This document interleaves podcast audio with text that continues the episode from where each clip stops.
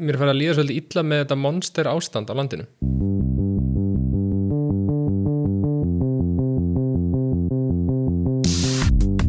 Halló er eitthvað að frétta Já það er ekkert að frétta Já það er ekkert að frétta Ekkert að frétta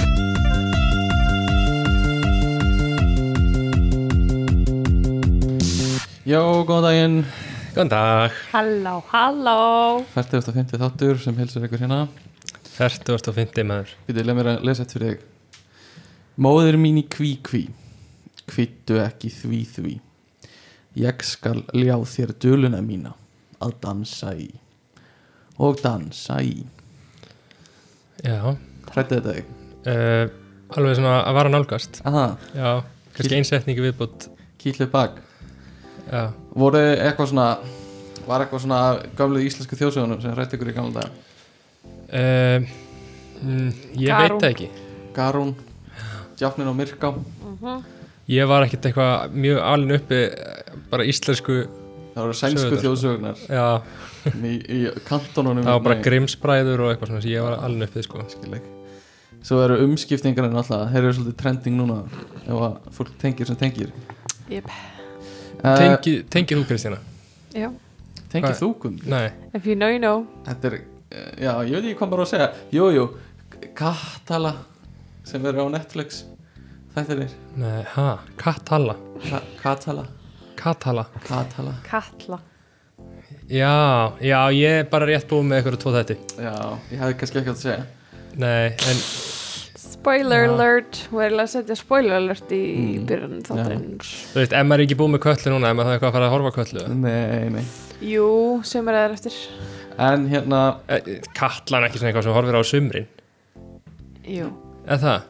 jú þetta eru svona páskaþættir Góð reikningadagur er þetta Já. ekki páskaþættir, þetta er ekki jólaþættir Uh, jú, þetta er svona Eh, páska páskaegg Þetta geta alveg verið jóla þetta líka og- Svolítið svona að maður vill vera eitthvað í myrkrinu og Samt eitthvað akkurat öfugt við jól eða svona snjór, hvítur Já, þetta er svart á jörðinu já.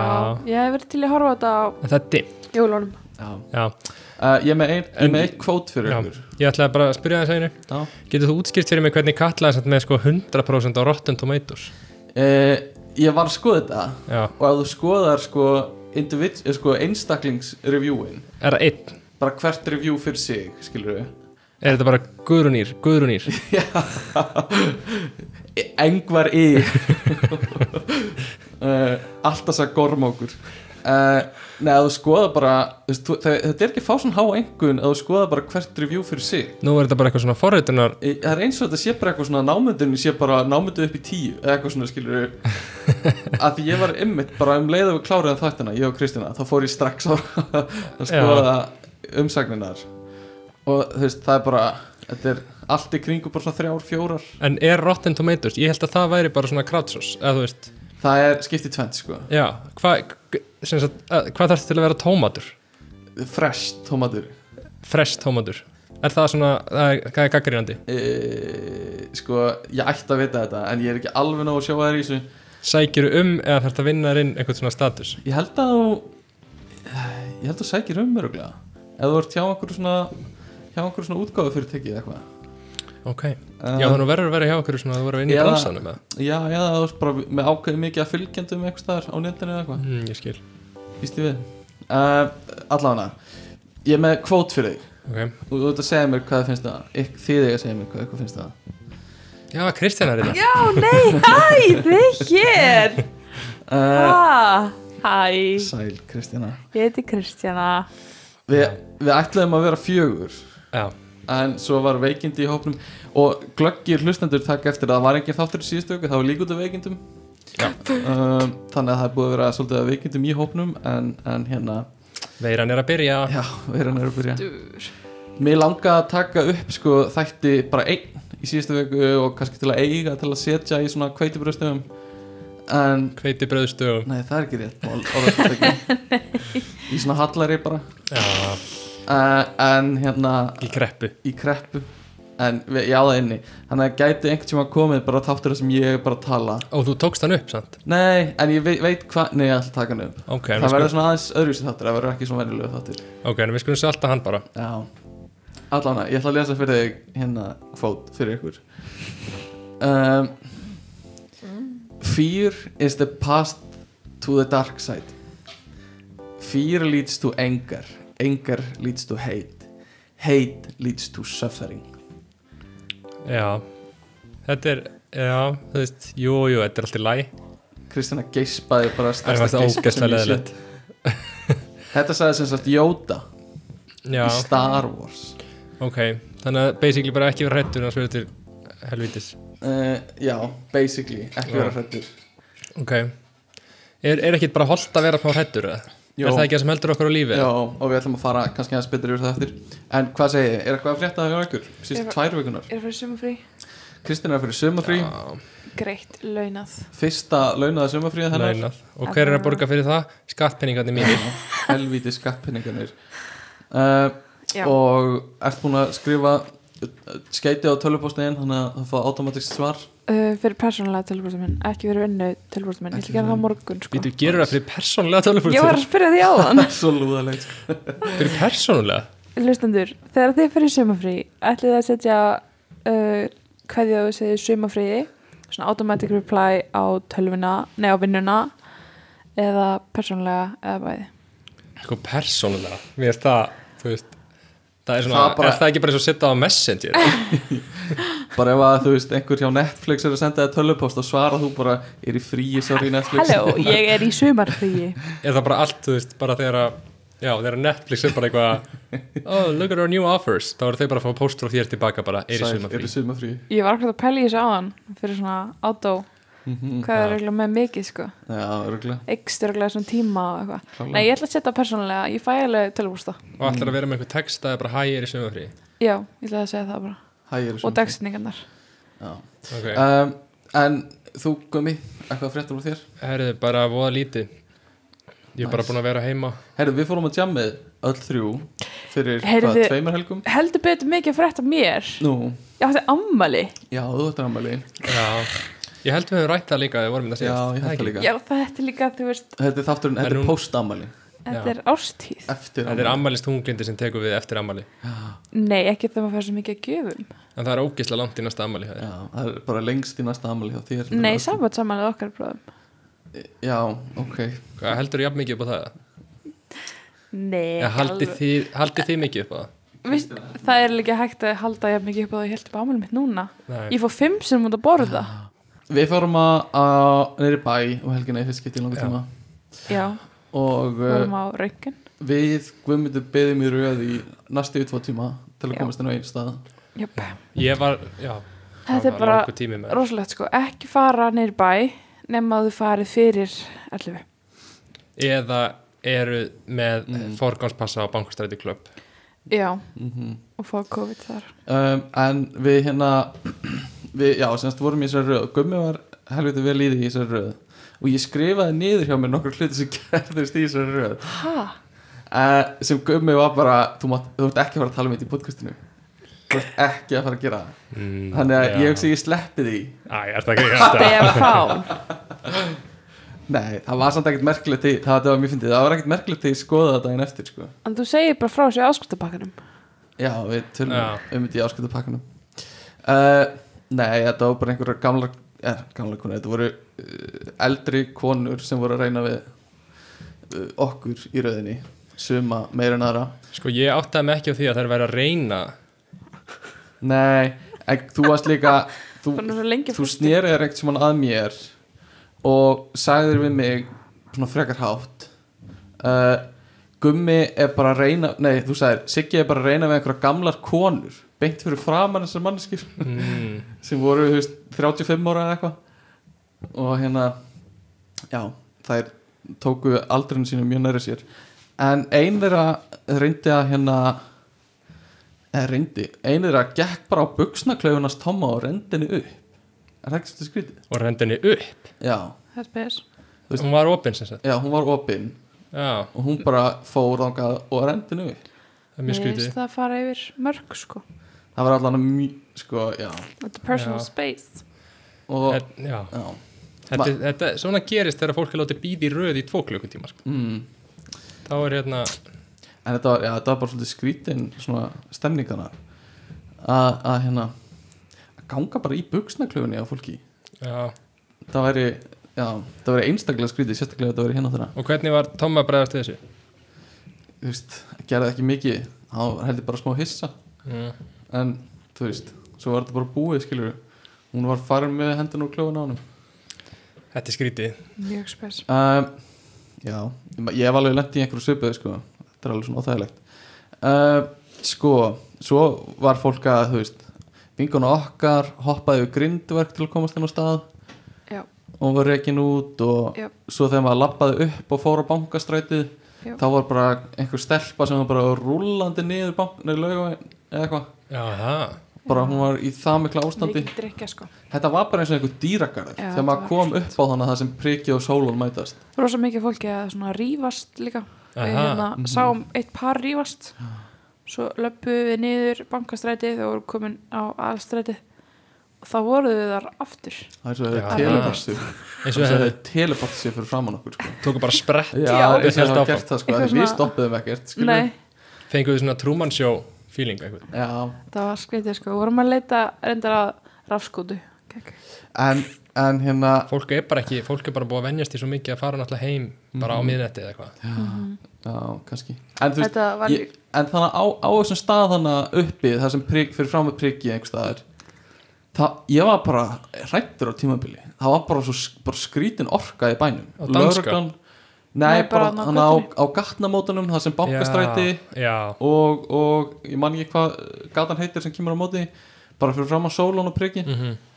bara orkan hana eins og ég var að segja á það bara, þú veist, ég hef aldrei upplifað þetta en það er líka búið að vera í fréttum bara, það er bara líkansar á sér einhver einasta Þetta var einasta líka helgi. fyrsta helgin eftir hérna, fyrstu útborgunni á sömarkrökkunum Já, Þetta já, fyrsta einmitt. útborgunarhelgi hjá fólki sem fyrir Já. fyrir sömarstarf en ég, júni, júli ég fór bara þann út í hóð og sat, stóði fyrir einhvern vegg eða eitthvað já. og var bara að fylgist með og þetta var bara, þetta var fucking mögnuð hegðun hjá fólki sko var þetta óþægilegt já, óþægilegt og líka bara þú veist, ég hefði bara geta búist við að það væri allt í einu hnífabardagi að fara að koma Já, skilur, það það. var bara allt gatt gerst á þessum tíma sko ok, vá, skrítið Það var skritin stemming sko Já um, Sko e, Já, eitthvað meira tengt þessu sem þið voruð að pæla mér langar bara svolítið að heyra en að lista af hlutum sem að, Já, úr röðinni Hva, Hvað lista? sem að ég, þú ættir ekki að tala um í podcastin Já, nei, það var ekkert merkilegt Ég var að segja, það var eiginlega bara þetta sem ég var að segja á þann að, já, að, með Sigga já, að ég heyrði, Já. þú snýriði við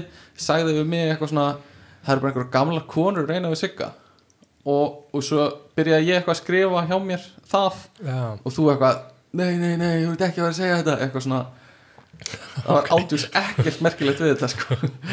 ok, þannig að uh, ég get lifað með því já, það voru mistök og ég byggðist afsökunar til allra já. að yfir þrítum Uh, ég fór í IKEA líka já, Kristjana sendi mig í IKEA ferð það er þátt í heiminu sem ég hata meira en IKEA í alvöru þú voru þetta að fara með mindset og sért að njóta nei, það Nei. fór samt í mjög svona specific mission þú veist, á þjónustuborð Ekki- ég, ég semst Ah, og þú fórst kvöldi ekki- áður var, Krist- sagði Kristjana mér að, að s- bað mig um að setja saman stóla frá IKEA uh, sem er mjög lítið mál, ég setti saman stóla en svo fattaði ég að það vantaði í stólana já, semst tvo auka hluti eða auka hluti í tvo stóla þannig að ég þurfti að fara í IKEA daginn eftir og, og fá þessa auka hluti mm. og þú veist, það er ekkert beint þjónustu borðana þannig að ég fór bara eitthvert já. að tala við einhvern og þá er eitthvað bara svona fáránlega bjúrokrasía að hann þurfti að sjá kvittun eða eitthvað já.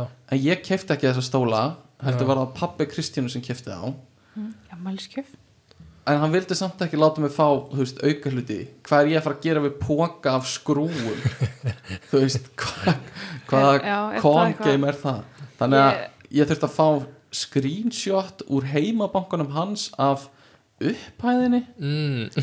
sem var þú veist bara einhver random upphæð ekki bara fyrir stólunum ok þannig að þú veist ég endaði að sína starfsmönnum bara einhverja tölu á einhverjum skjá og ok, hann eitthvað, já þetta er nóg Ég ætlaði sko að fá að tala við hann Ég fekk það ekki En okkur, já, þú hefur bara þetta heimt að fá þetta bara endurgreitt ég, eins og ég, ég kefti þetta ekki skilur Nei, þetta er alltaf, já En, en, en ég, þú hefði samt alveg verið búin að finna svolítið loophole fyrir já, kannski Ég meina að þú, maður getur að að færi og myndi alltaf vera mm. mantað eitthvað eitt það er, það er skam sem IK varð fyrir sko. Aha. já, Já. Þannig að það er ástæða fyrir þessu já, En sennilega samt ekki fyrir svona En Það var þetta- bara, já. þú veist, mannskja sem var að kaupa hluti Já. Tók streikamarkin af Og var alltaf að skipta upp í dýrari hluti já, og líka þú veist að, að s- þú veist, koma með kaupa vörur, segja að vantaði helming, fá helmingin segja svo að vantaði hinn helmingin í næstu Já. ferð og eitthvað svona, eða þú veist, það eru margar tegundir af einhverjum svona IK eh, scams, en Það sem fólk leggur á sig ántjóks en það er bara helmingurinn sko af þessari rakfalla ferð minni Ok. þannig að eftir þessa 15 mínutna byggð eftir þessum aukarhlutum þá Kristjana baði mig líkum að kaupa svona, svona tappa undir stóla fyrir parkett mm, Já, uh, og til þess að kaupa það þarf maður að labbi gegnum alla IKEA já þetta er bara þetta fáránlegast sem ég veit Við, ekki bara, Er þetta ekki bara í smáverudeldinu? nei, þú ert að labbi gegnum all, allavega ég fann það ekki það alla IKEA búðina til að kaupa þetta uh, sem kostar þú veist 100 kall Já, uh, og svo þú veist kem ég niður og borga þetta og þú veist svo ef ég er að segja einhverjum frá þessu þá segja þér alltaf eitthvað svona já en alvöru fagmenn pró IKEA sjoppar að vita hvernig þeir eru að gera þetta ég geta gert þetta á tveimur myndum ég vil ekki þurfa að vera fagmaður í einhverju búð til að geta versla þar Þú veist, ég vil bara geta farið og versla í einhverju búð á mjög eðlan hátt er þetta ekki eina búðin sem við vitum sem svona þvingar viðskiptavinn í gegnum söstrinu alla búð? greni og Tiger. tækar Já, það er og IKEA þetta eru allt búður sem ég er ekki hrifin af Það er allt svolítið sænst Já, svíjarnir er náttúrulega svo ferkantar en dettur ekki í huga að fólk vilja fara út á miðrilið Nei. uh, Og fegst þér að borða í IKEA Það er sem allir er að hugsa Jó. Það er líka, það er krúsjál partur á ferðinu já, Já. þú veist, ok Endi í nöggun já, já. ég held ég að vera nýbúin að borða eh, þegar ég kom að en ég vil líka taka það fram að fyrir mig að labba í gegnum alla IKEA þú veist, það er alveg þú veist, ég er alveg bara svona ég er mjög þungur maður, skilur þetta þetta er alveg, ég kem alveg sveittur út úr búðinni ef ég er á að hlýta mér sko. Það við kannski geta að fengið eitthvað svona eitthvað kerru já, ég hef ekki Lítinn bíl. fengið svona, svona já, ramags svona bíl Satt Íka bara með ógíslega mikið að rama slöpihólum já, starfsmennir Nei, já, bara allir ok Hvernig, hvernig væri það? Og ertu ekki að segja þessi með það? Ertu Nei, að hvernig leggja væri til? það? Já, mér finnst það mjög sniðið sko Það verður auðvitað mikið áraugstum samt en, Já, bara stemming Og Eða bara Íka með rafhjól líka bara Já, Væri með svona rafhjól með körfu Þú Já. fara heimtíðin já það verður sniðið sko Nei, ég veit ekki hvort það væri sniðið þetta Það er- Fle, eh, Sko, tvert Það er annað hugmynd. tengt, tengt í hvað Ég sá þegar var verið að setja upp nýtt svona nýja innréttingu í hana, þú veist, eldhúsdeildinni eða eitthvað Já, bara, ma- bara svona eins og að, þetta er svona eins og að sjá þú veist, verið að setja upp einhver svona byggingakrana eða eitthvað já Þú veist, þetta bara er þarna, byrtist Já. það er svolítið magna Já, er þetta mikilvæg upplifun Já, þetta er svona double rainbow upplifun sko. Kemur þetta bara Ok. í einhver svona einum kassa sem er opnað og það sprettur upp svona júm Svo blása er svona upp með pumpu En Eh, Það og, er auðvitað örugglega ekki pressa Það þarf að vera einfalt Já, örug, það var bara einhver kall í þessu sko. Bara einhver svona gamall pappi Eða eitthvað, Gammal pappi eða afi Eitthvað að vinna í þessu sko. uh, Eða afi Þetta er öruglega einhver svona svens Eða panta frá sænsku höfðustofunum sko, Já, Sem kemur og setur upp alls þar Mjög líklegt En síðasta sem ég ætla að tala um IKEA Var Djöfull var öryggisverður ánæði með sig í þessum einkennisbúningi Hafið þið séð öryggis IKEA verðina hana já, Eru þeir eitthvað öðru sem aðrir aukstjórar?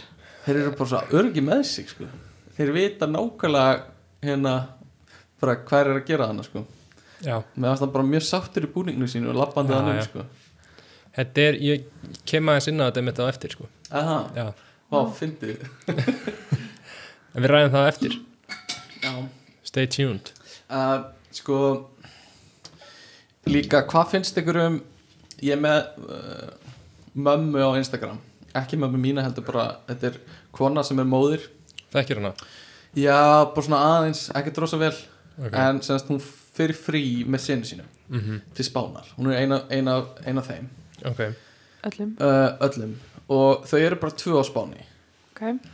um, en hún er að posta askoti mikið af svona gælumyndum ok á bikini og eitthvað svona mm alveg bara svona pjúra gælumyndir ok, sem sonur hennar sem er svona 7 ára, 8 ára er greinilega að taka ok ok, Þú veist, er, er, já, er hann að það taka skil- það? Já, hann er að taka Ertu Af viss? hverju? af því að allar aðra mynd þú veist, hún, hann er með, með henni á hinum myndunum sko.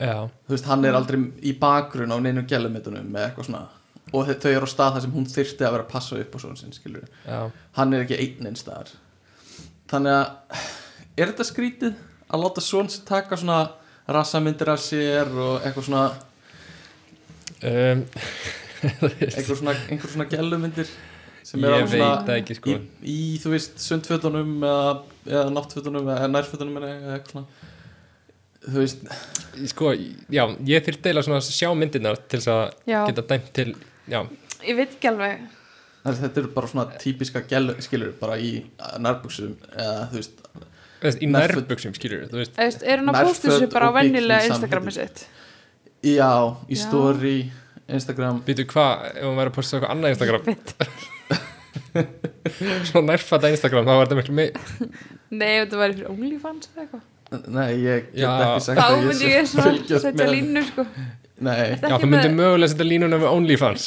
Já, eftir ef kontenti á heima þar þá veist mér það ekki lægi Þess, þetta er, hún er ekkert nektarmyndir en þetta er alveg svona eh, reyna að vera hot gælamyndir skilur við En þú veist, er þetta sundlega mynd með smá búna eitthvað sí- með rassin í mynd eða þú veist Nei, þetta er alveg myndir til þess að sína þú veist, Já, það Ok. sem hún vil vera að sína skilur við ok, já Skulum sjá og hvernig þetta er alveg svona mamma, má ég fara í Playstation? Nei, kláraði að taka næstu þrjá Já. ég náði ekki alveg Vitum það ekki sko en, ég er að segja bara, þetta lukkar svolítið þannig skilur Já, við Lókar svona eins og hann taki mynd og hún spyrja hann, þú veist, hvernig er rassin í mynd þetta er alveg svona smá þannig lukki sko. Já, en ég er bara að segja er það skrítið eða þú veist, er það bara allt í lagi ég veit ekki, ég meina ef við snúmum sér við mm. oh, well, nei, við skulum ekki snúi þessu við við skulum Ekki bara þannig. ekki snúi þessu ekki, við ekki þannig ok, þú ert pappi ok og þú væri að taka svona myndir að þér Já. og dóttin væri að taka þessa myndir hvernig myndir er fólk að taka? Sex ég meina, þú pakkmyndir gætir og alveg, eitthvað svona. þú veist, þannig séð ef við tökum, uh, já, taka svona myndir gætir að alveg sér tekið bera líka ofan bara verið eitthvað- að já. þrýfa bílinn eða eitthvað steppi eitthvað að kissa á sér hendina og eitthvað svona, eitthvað svona guðastellingu mm. já, ég sem myndi ekki byggja dóttir minn um að gera það sko. ekki, nei, ég efast um það sko. en Ok. ég meina, kannski á maður ekki að vera að dæma fólk sem gerir það en ég er bara svona að pæla, er það skrítið? Ég uh, held að við bara getum ekki dæmt eins og er nei, það er mjög jó, pjessið eh, svar já, mjög pjessinsvar við skulum segja, þetta er skrítið ok, já, þetta er bara það er skrítið, skrítið bara fáðu það er endur hægt að leiða oft ljósmyndar á, svona, á spánu og eitthvað, mm. Já, það er bara leiðu ljósmyndar á, stóð ég hótel á bínu já, Já, en svo er líka bara stundu við maður að taka myndir að sér í söndfjöldunum bara að maður sé í, í Já, bara feeling á beinn í Spáni, bakið skilurðu. og- já, bara, já, já, já. ég mitt þannig að, ég veit ekki, það Já, er fí- fín, staðfesting. fín lína hann á milli um, En uh, ég er með uh, ég er með nokkrar uh, svona, nok nokkuði viðbót sem ég langaði að tala um já, Ein spurning sem ég langaði að spyrja ykkur Mhm. uh, Ok, eh, Kristína, þú ert líka með, þú ert með svona skincare rútín Mm. á kvöldin S- gerum okkur það upp, segjum á sér Ok. okay. með það Ok, Ertu með eitthvað, s- hvað getur maður sagt svipað Þú ert með busta, busta tennurnar alltaf á kvöldin busta til hendara kvöldin, kvöldsmána Er eitthvað annað svona sem þú, sem maður gerir reglu á kvöldin um, annað Æ, en allavega. að busta tennur Ok, gerir ráð fyrir þetta, þetta, þetta stendur svolítið að fell með því að þið þurfið að vera með skincare rútín Ok, ég er með Jú, skinnkerút skin Ég tek alltaf af mér málinguna Já, og reyna að já. þóa mér í framann og teka um minn tegju og, Ok, ok og Þetta er- hérna, þetta teka er- um minn glerun og já. þessu svo Þetta er, eh, ég fann þetta á netinu með aðstæða svolítið fyndið Ok, sem sagt, unnusti unnusti ykkar er rænt í, sem sagt, bara útlöndum Þeir eru einhvers þar í já, útlöndum sem þeir þekki ekki mikið til Já, uh, Og þú ert búin að vera að leita til klukkan tvö um nótt aðinni með löggunni Og Úf, á endan þarftu bara að fara upp á hótel Og bara býja eftir hvort þú komið þangað Eða bara, þú veist, þú ert að fara upp á hótel og, og reyna að sofa þegar þú getur eða eitthvað uh, Gerir þú skincare rútinuna eina í þessu uh, í, Já, ef þetta kemur upp á maður Ef hún er ætti að gera hana Ha, hvað meinur þú? maður á að sjá um sjálfan sig áfram Í svona, Já, við erum ekki að tala um manneskjum sem var rænt nei, nei, nei þú, þú ert búin að vera að leita að Júlíu í bara marga klukktíma og þú þarf bara að kóla það bara að segja, Já. ok, nú fer ég upp á hótel hún kemur þangað kannski, löggan heldur áfram að leita Já, þú kemur upp á hótel, hálf þrjú um nótt já, skerur skilgjur út í nóðina já, setur á því moisturizerið þinn og þú veist sko þú veist, maður væri ekkert að fara að sofa í, nei, en Það maður- verður væri eitthvað að fara að sofa um leið og væri búið með skinnkeru út í væri nei, líka að ég er að hugsa segja, bara þú veist, ok, ég er að nú, segja nei, nei, nei, ég er að segja sko þú veist, þú ert bara í þenni ástandi að þú ert ekki að hugsa rauðgrétt Mm. og þér finnst ekki mega sens að fara að sofa þér finnst bara að þið vera að fara út að leita eða eitthvað Mm. og getur ekkert sofið af því þú ert bara með hausin á mhm, fullu mhm, og þá er alveg eðlilegt, þú veist, eins og kannski þarna er of dimmt til að leita eða eitthvað mhm. að bara svona að þú getur gera eitthvað sem make a sense eða svona aðeins distrakta þig myndir fyrir Mm. bað ég bara get ekki sett mér í þessa stöðu sko en Nei. þú veist maður, ef, Ég- ef þú getur sagt að þú myndir gera skincare ef að vinkunum myndi lenda í þessu þú veist, ég myndi segja bara fara upp á hótel og háttaða þig, mm.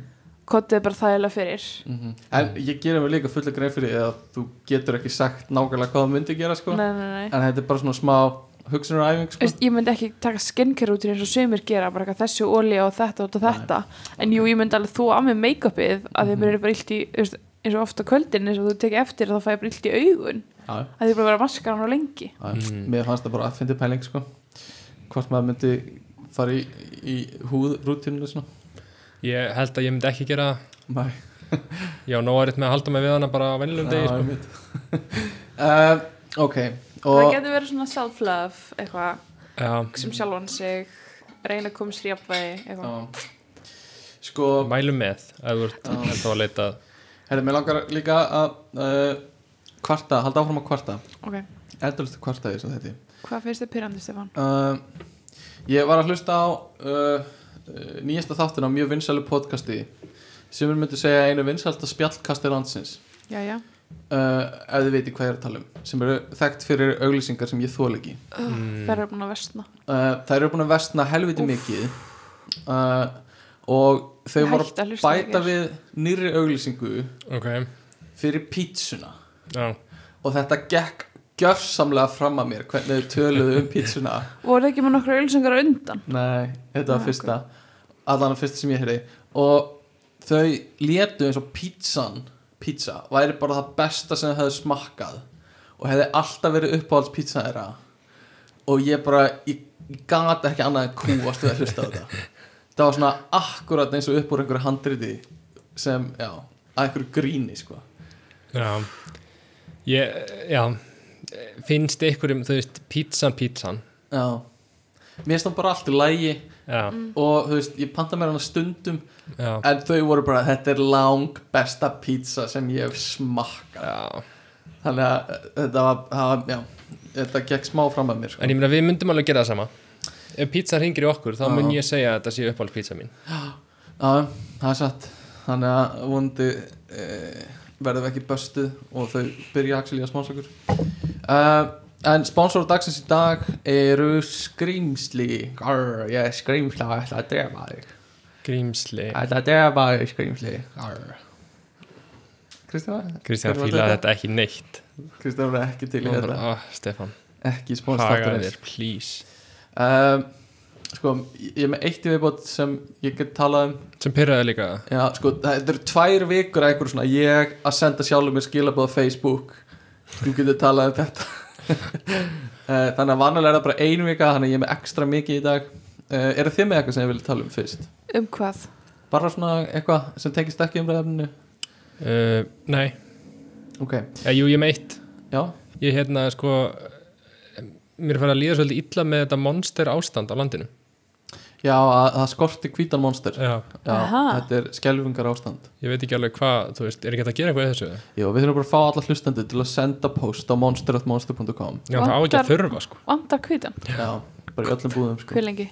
bara, bara, ég veit það ekki Í nok tvo mánu eða við eitthvað Eh, þurfum svör, Nei, hvað er komin dagsetning á það Það er að koma önnur sending núna meðan júli Þannig að það ætti að fara að losna sko akkur veistu það, Ég sá fréttum þetta þannig að við erum bara að tala um á morgun já, Er sem, það ótlí með það? veit það ekki Kristína er búin að vera í ótlískorti við erum líka ótlýskortur Já, búið að vera Mhm. alveg í smá tíma Sitt, við búum bara okkur eigi sko. En það er samt fullt af kaffihúsum með ótlí Ég skilja alveg hvað er að Já, gerast þau eru að horta þetta það er horting, Eða er eitthvað svona ótlý á svartamarkanum það getur líka verið eða bara búa það til sjálf og Það var hella. ótlí í einhverju búðum daginn já, Það Stalstu var- því? Það var búið að loka búið að loka búið að loka búðinni út af að það var með ótlí Nei, það var opið til tíu eða eitthvað ah. Mm. Það því ég sendi á þig og spurði hvað það var Já, en hérna Kristina sendi mig alltaf í eitthvað svona Þú búin að vissi honum hvað er þið? uh, Allavega, eitt- síðasta sem ég langaði að tala um Ég fór á kaffehús uh, að að læra um daginn í dag uh, Já, til dæmis í dag En eh, Hvert? sagan er ekki frá þetta Galabæ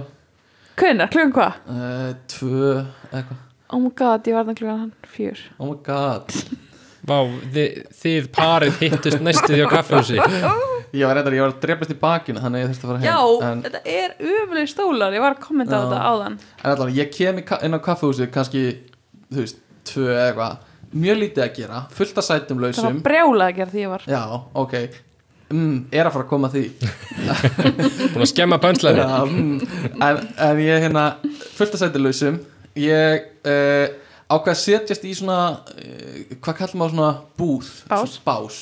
Bás. það eru tveir básar fyrir endan Í bás ok, leið mér að klára Ok, vá ok, ég er að segja, fyrst settist ég bara í venjulegt sæti Ok. hugsaði ok, það er ekkert að gera hérna það er allt laust Já. ég hugsaði ég fari í bás ok, fyrir bás af því ég held að það sé betri sæti af því mér er illt í bakinu Þessi er nýr á kaffehúsi uh, ok, sest í bátinn og hérna svo byrja ég að sjá alltaf svona ein, ein og eina manneski svona kíkja fyrir hotnið til að skoða básuna Ah. og ég eitthvað svona, mm, ok, það var alveg nóa sætum um svona, þau eru örugglega bara að kíkja hvort þau getur fengið luxusætið sem ég er í eitthvað Ah, Mm. svona og svo sest hérna önnu stelpa í hinn básinn þannig að við erum bara tvö ein í sitt konar básnum Já, Ok, ok, versnar ennþá ég er, ég er að borða eitthvað sem ég pantaði mér já ristabrauð og hérna hirntólun á mér er svolítið bara í tölfunni að lesa einhverja, einhverja greinar eða eitthvað af því ég er Já. svo eins og leksjál Já.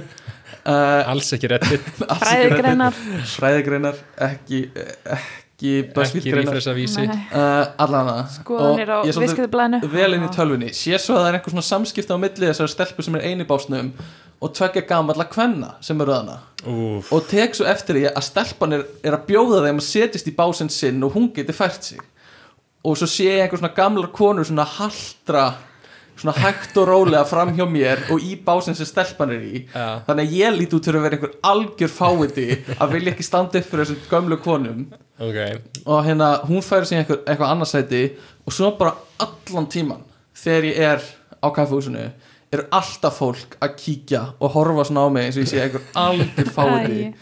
þangar til ég bara fer sko bara meika þetta ekki lengur Nei, þetta er úþægilegt sko uh, þetta var alveg svona ég hefði aldrei sest í hana bás Já, nema ég fattaði ekki að fólk það væri að fara að koma miklu meiri traffík já Það var sko 25 minna byð já, þegar ég mætti það var hana enginn hana Klukkan þegar ég kom sko Hálf fimm bara, bara eftir að fá sæti Já.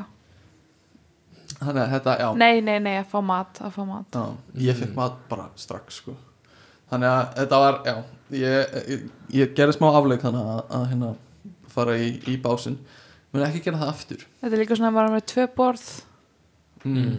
Allt fullt Mm.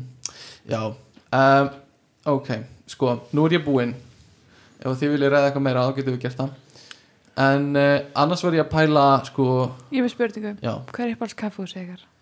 uh, Garðabæ, mér finnst það mjög næs var að opna til Uppáhalds kaffi kaffehúsi mitt Já. Ég held sko hérna í Hafnafyrði hérna, súfisti, hvað heitir það? sem er hérna, Hjá pítsinu? já, Það Ég er held kósí.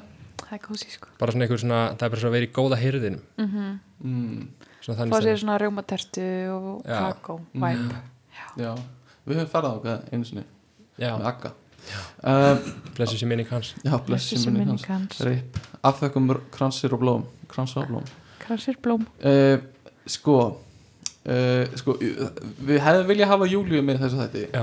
Af því að þetta er uh, Hún stakk upp á þessu mm Mér finnst það frábær hugmynd hjá henni Júlíu actually stakk upp á þremur mjög góðum efnum Til að tala um Já, Það sem er bara mjög hrifin að möllum Þetta var eitt af þeim Og það er svona fóbíur eða, eða hræðsla bara Mhm. yfir höfuð uh, og þannig að það er mjög leðilegt að missa hana í veikindin mm, já við en við, raunuðum þetta mikið og oft já, já, en, en hérna við ringjum kannski hérna eftir og tökum stöðun á henni uh, en hérna ótti, ótti, ótti, ótti um, hvað er ótti við erum með hérna ég er með svona fræðilega skilgjöringar á því já, ok en samt ekkert eitthvað svona rosa merkilegt ok þetta er bara eitthvað svona sem já, þetta er, ég er ekki eins og með að skrifa niður ég ætla bara að segja eitthvað sko hvað kanntu ótti á margum tungumálum? um, tveimur örgla já, já, boring um, Sænska og franska færisk Já, færiska um, en sko eh, ótti, við erum með þess að þetta er eitthvað svona viðbræð sem við, sem við verðum fyrir þegar við lendum í einhverju oft einhverju hættulegu já, og um, það tengist oft við einhverju svona gamlar minningar af einhverju það sem við erum búin að læra að, s- að óttast eitthvað já, um, og við erum með svona tvö eiginlega ótta viðbræð eitt sem tekur bara strax við sér mhm, og gerir okkur mjög hrætt og þú veist, aktiveitast bara á núleikni og hérna uh, þú veist mm, þá fyrir hjarta að pumpa hraðar við setjum meira blóð tökum blóð úr útlimunum og meira inn í inn í sko líkamann og hjarta og láta það pumpa og þú veist, við fáum adrenalín og eitthvað svona já, þetta gerist strax og svo er svona annað sem annað viðbræð sem fyrir gang sem tekur lengri tíma að virkjast Mm. og það fyrir svona að meta stöðina þurfum við í alvöru að vera hrætt mm, Þur, er þetta eitthvað sem við þurfum í alvöru að díla við eða hérna megu við slaka á já, og fyrir að bera þetta saman við svona gamlar minningar og eitthvað svona ok, og hérna þú veist, það gerist þegar við okkur bregður kannski einhver Já. bregður okkur félur sér bak á hurð einhver Já. vinnin þannig að fyrst verður þau bara kveikna allt, á allt kerfið þitt mm, og þú fer bara í, í sko bara hérna ert bara að fara að já, deyja við bræði sko Mhm. og svo eftir smá tíma þá, þá höfum við tíma til að greina þetta betur og hérna þá fer svona uh, common senseið okkar í gang uh, og það er eins og við, þú veist, við vitum þá erum við með ákveðið svona innbyggt í genin okkar hræðslu sko og Mm. það hefur verið sínt fram á að það hérna hafi bara þróast með okkur bara til að hjálpa okkur að, að hérna að forðast það sem er hættulegt þannig að erum við að tala um þá bara ef einhver forfæður minn lendi í einhverju Já. það geti að þróast yfir í einhverju hræðslu hjá mér en það er kannski meira sko uh, og, og, og eins og þú segir, þú veist, hræðsla er er til þess að forða okkur frá einhverju sem er hættulegu, svona í grunninn já, svona grunn hérna ástæðan fyrir því að við höfum ótta bara innbyggðar í okkur já, þetta er bara hérna ekki snerta eldin, skilur Mm. við, dæmi en já, það sem við erum að tala um er þá að þú veist uh, forfeður okkar byggu kannski nálagt snákum og, og hérna og lærðu bara að, að hérna, þú veist, þeir sem uh, eru bytnir að snákum, þeir deyja mhm, og hinnir læra af því og verða hrættu við snáka mm, og þeir lifa af og bera þá með sér þau gen já, já, að læra að vera hrættu við þess, þú veist, þetta, þetta, þetta já, og það er mjög áhugavert að í sumum svona hópum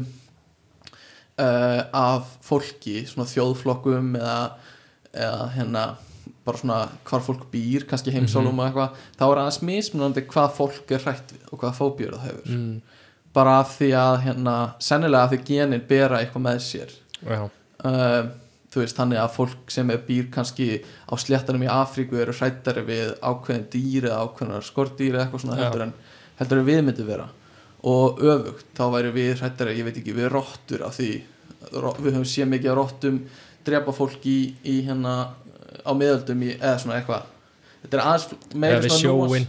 já, eða við sjóin, einmitt þetta er svona aðeins meira núansar en þetta en það er svona í grunninn er hægt að sjá svona einhverja tengingar við hvar fólk býr og, og einhverja svona þjóðfélagshópa ok við ótta sko og hérna það er mjög áhugavert og Uh, ótti erfist já, það er hægt að segja það sko, Er ótta það- er vist sko staðfest uh, ekki, ekki svona kannski beint sem að þú, þú mamma þín getur kannski lendi í, það er í ekki genetengt ekki svona þú veist, meira bara svona á, á háuleveli sko. Þú veist, þetta er ekki þannig að mamma þín lendir í, í hérna, eh, þú veist, slisi í æsku hjólaslisi í æsku og þú fæð, fæðist trættu hjól þetta er meira svona, þú veist yf- spannast kannski yfir tíðust ár eða þúsundur ára og þetta er samt, þetta er samt, þú veist, þetta er samt í genóniðinum já.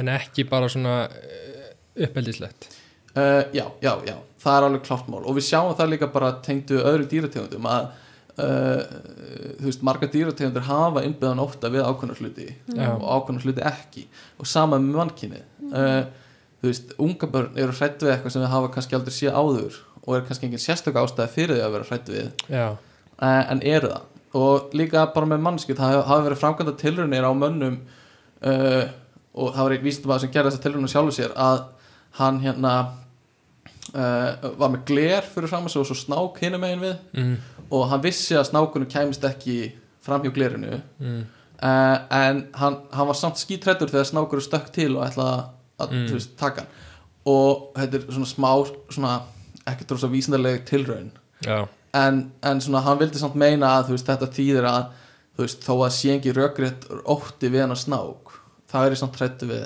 við ákveðna hluti uh, Svona eins og fólk sem rættu fugla já, erst þú hrættu fugla? Nei, nei en það eru til fólk sem hrættu fugla Guðmundur er held ég akkurat hinnum megin fjölskylda þín er mikil fugla ákveða fólk er það ekki? Jú, við elskum fugla uh, en mér langar að tala um eitt annað sem mér finnst mjög áhugaverð uh, tengt svona menningarlegum óta eða svona já, er uh, að það eru þú veist þú, þú getur séð svona að fóbíur eru þú veist meira ábyrjandi í ákvörnum hópum og það er kannski tengt menningunni eins og í Japan var heldur sínt fram að það að, að hérna fólk var óttaðist að, að hafi fóbíu við því að sko að eh, vera of mikið svona sína of mikla virðingu að fólk myndi, já, að fólk myndi finnast að vera að sína of mikla virðingu já, sem sagt þetta að neyja sig of mikið og já, ég skil þú veist að, Jap að, að hérna, Japan er meiri ótti við það að, að því það er svona, svona virk menning í Japan að, að neyja Já. sig og, og hérna þú veist svona að sína mikla virðingu já, en þá þróast það líka með þeim að þeir hafa mikla fóbíu við því að vera of mikið þannig meira en annars staðar sko já Og Mm. Ég veist það, sko við erum ekkit já, við erum alls Íslendingar Íslendingar Alls eigum við ekki. eitthvað þú veist, við því erum ekki það er ekkit svona virðinga Nei. dæmi nei, við erum bara það er ekki til, please já, það er góða punktur til að segja er til please á íslensku Gjör- Gjörðu svo gerðu vel. það Gjör, já. já, Um, Viltu vinsamlegast, það er Já. hræðilegt já, þetta er vinsanast að drullaður úr sætinu mínu já, Já, þetta er svona við notum þegar þetta ekki eitthvað svona þetta er svona Eldra lítilækandi fólk notar þetta samt, sko já, en Eins þetta og er þú veist- lítilækandi Mm. Fyrir um leigursalum minn sendi mér þetta og ég var bara róleg já einmitt, slakað á viltu vinsanast lækka tónlistina? Já, ég held að það er eitthvað sem vildi vinsamlegast taka vélinni og ég var bara eitthvað mm, nice. já, ákveðla passið og aggressív Death stare Nei, smá, sendi síðan að bróskallin Aldursmunur. venjulega já mm, venjulega sem bróskallin drepur alla já uh, þannig að, að ótti þetta er rosa svona þetta er áhugavert sko viðbræðu líkamannum hafið þið lent í svona ofsa óta það segir Eh. bara að þið finnir fyrir adrenalinu og, og bara þú veist þið finnir fyrir að blóðið er að fara úr útlimunum og, og hjartað er á fullu og Í- Bara svona Fyrsta sem við þetta í hug er kringum viðbyrðahald Eitthvað er ekki að gerast eins og það á að gera já, mm, og þú bara sérð að mannskjarn sem þú kallar upp á svið já, er ekki í salnum já, já og það er 200 manns að horfa á þig mm -hmm, og bara show must go on og þú finnur bara svona Já, þetta er svo fyndið við þetta er að þú veist þessi viðbrögð eru all hönnuð fyrir þú veist slétturnar það sem dýr er að koma að drepa þig já, mm þetta eru viðbrögð sem eru hönnuð til þess að þú getur hlaupið hraðar eða, eða meir, snegri viðbrögð við að þú veist, færa þig undan einhverju hættu eða eitthvað svona og svo er hún allt í henni bara mætt í spareföt og, og hérna mikrofón og fyrir framann 5.000 manns og þú bara ok, ég gæti lift sjúkrabíl en ég stend fyrir framann 1000 manns og er, já, þú veist, já. já, en ég bara sagði nokkar í Eurovision tjóka um og svo kom bara mannskjan Í úrlýsutjóka Hvað, getur þú komið einna?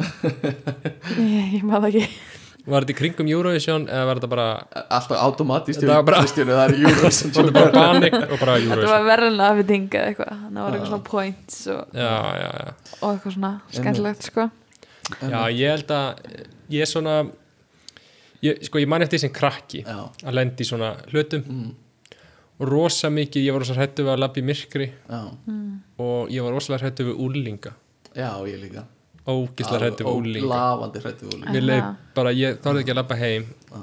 og bara, ég var bara, það gæti verið úlingar Ég er Ég- ekki með neinar svona minningar sko Ég man einu sinni, þá vorum við tveir vinnir uh, þetta var í öðrum með þriða bekka eitthvað sliðis að fara frá vinkun okkar vorum í heimsókn og hérna af einhverjum ástæðum þá hérna svona vorum við farin út búin að labba af lóðinni ákvaðum við að snúa við og ætlaðum að prófa að opna hörðina aftur Já, bara eitthvað svona prakkarast eða eitthvað og við sjáum að, að hérna sjáum að vinkun okkar byrjar alltaf að banka í gluggan uppi já, og eitthvað svona hlaupið og, og þá þá hafði sko stóri bróður hann að séð okkur vera að prakkarast og ætla að fara að opna hurðina og hún vissi bara að hann var bara vandræðúlingur og hann var að fara að berja okkur sko já, það þannig að þá bara ok, fuck, gönnuðum á stað hann rýðst út um hurðina Já. og er bara á flegi ferða eftir okkur og ég maður bara að þetta var fucking traumatiserandi af því hann náði mér sko Nei, og hvað og gerði? hendi mér í grasi einhvers staðar Já. og var bara, bara með hnúan fyrir ofan hausinu og mér bara, hvað er þetta fokk, þú ert ekki að fara að gera þetta aftur the- og ég hvað var er bara ég var svo fölur eftir þetta hann varstu barði gamall? mig ekki, sko, þetta var í öðrum með þriða bekka eitthvað Þetta er svo Ég- veikt, þannig í Garðabænum sko en þú veist, ég veit ekkert hversu hversu svona nákvæm þessi minning er eða þú veist hversu actually ykt þetta var en í hausnum á mér var þetta bara eins og í einhverju actionmynd það sem var bara einhver rúsneskur mafjósi bara þú ert, þú ert að fara að deyja í dag og ég eitthvað fuck og, og s- bara er hann að lama róta og ég man að sko vini minn náður hlaupa hraðar en ég mm, og hann náði honum ekki og ég var bara hann sveik mig Þú voru ekki talað við hann ennþá í dag Nei. en hérna, ég leifði það af en eftir að þá var ég skítrættu við þetta hús En tók ég- alltaf sveig fram hjá því sko. Já, en ég myndi vera að pæli sko, að þegar þú ert krakki Já. að því að maður á svona mest óttaslegnu minningarnar Já. koma oft frá því þegar maður er krakki Já. ég var að hugsa bara að þú veist Mm. það sem að krakkar upplifa, tilfinningin óttatilfinning sem krakkar upplifa Já. er bara eitthvað traumatizing fyrir fullorðið fólk þú veist, Já. þú, það sem þú ert upplifað þetta sem krakki Já. Mhm. og allir aðri sjá þetta bara eitthvað "Æ, er eitthvað úlingur, hann væri aldrei að fara að gera neitt og eitthvað svona, einmitt. en þú ert að lýsa því Já. sem við getur ímyndir um þetta upplifað þetta í dag um þetta upplifa þetta á nýjum mælikvara mm. sem bara axjúli ykkur bara sem ert jafn hrættur við kemur á eftir, hrindir og ætlar að fara að kýla því andlitið Já, ég veit það ekki Það er Já. náttúrulega þú veist fyrri minningar sem að hafa áhrif og Mm. sko svona helstu hræðslur ég var að ræta þessar fræðingi minn einhvern tímann hún var að segja mér að núna er rosa mikið núna var hann um daginn rosa mikið í arskjöldum hann fyrir elgósið í aðdraðanda elgónsins og hún sagði að fullt fullt af fólki hefur komið til hennar bara í, þú veist, til að fá aðstóð ekki vegna þess að voru hrætt við jarðskjáltana heldur vegna þess að voru hrætt við uh, hvernig fullar fólk letum líða í framhaldi af jarðskjáltanum Hvað mennur um, það komir jarðskjálti og fullar fólk verður bara svo hrætt að það haga sér bara fáránlega og læta það bitna á Mm. barninu já, já, já, og þau það er svo mikið með þetta að þau upplifir eitthvað þú ert lítill að þá hefur bara x mikið til þess að vinna úr Já. Mm. Þú veist, heiliðin er bara ekki nógu þroskar til þess að vinna úr því sem gerðist og eins og þarna þú veist að þú eh, sért í hættu þú veist, þú veist ekkert hvað er rétt að rámt og gera ekki grein fyrir afleðingunum og Já, þarna finnst þér bara úslega eðlilegt að þessi eldri strákur hafi rétt á því að, að meða þig og bara heldur að afleðingunar séu hræðilegar en einhvern veginn, þegar þú ert þannig fullorðin þá svona vistu já. hverju afleðingarnar eru en ætla að sé gott fyrir eins og í þessari stöðu, fyrir foreldra þú veist, í aðstæðum sem barnið þitt lendir í ykkur sem þér finnst hræðilegt Mhm. en barnið veit ekki að sér hræðilegt sko ef þú getur tekið ákvörun um það hvernig þú ætlar að bregðast við Mhm.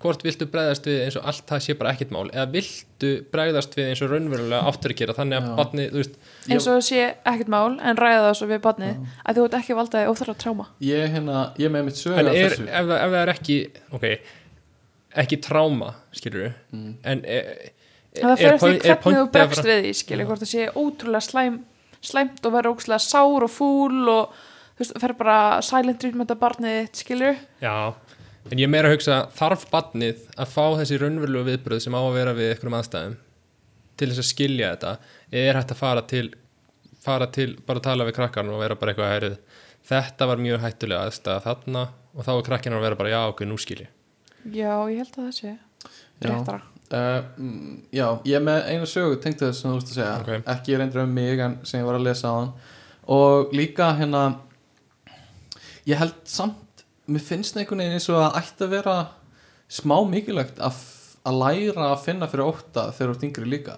Já, þú veist, og að, að, var ekki svolítið skrítið að komast í gegnum bara fyrstu 20 ára æfiðinar án þess að lenda í neinu svona eins og ég var lendi á þann Já, já. Skilur, Þetta að, vera bara- það, að vera það svona uh, uh, varin Já, já. frá fóreldarinnum Mhm. að það vera aldrei upplifað þú veist, neitt svona þú veist, að læra á lífið á þennan Já, þetta er eins og Black Mirror þátturinn það sem var bara allt Já. sensorað Já. þú veist, þú mátt ekki segja hunda vera að reyða og bara allt sensorað Já, einmitt. en ég held að sé líka í þessu allu að jú, barnið þarf ekki að upplifa það þannig að það skilja eftir sér svona tráma eða líði Mm. illa og þú mátt útskýra fyrir því og, og líka bara að ef því líður á einhvern ákveðin hátt Mm, að það sé gert ekki, ekki gert lítið úr því mm, já, þú veist, ótti sem er gert lítið úr eða gaslætaður skilur miklu meira eftir sig já.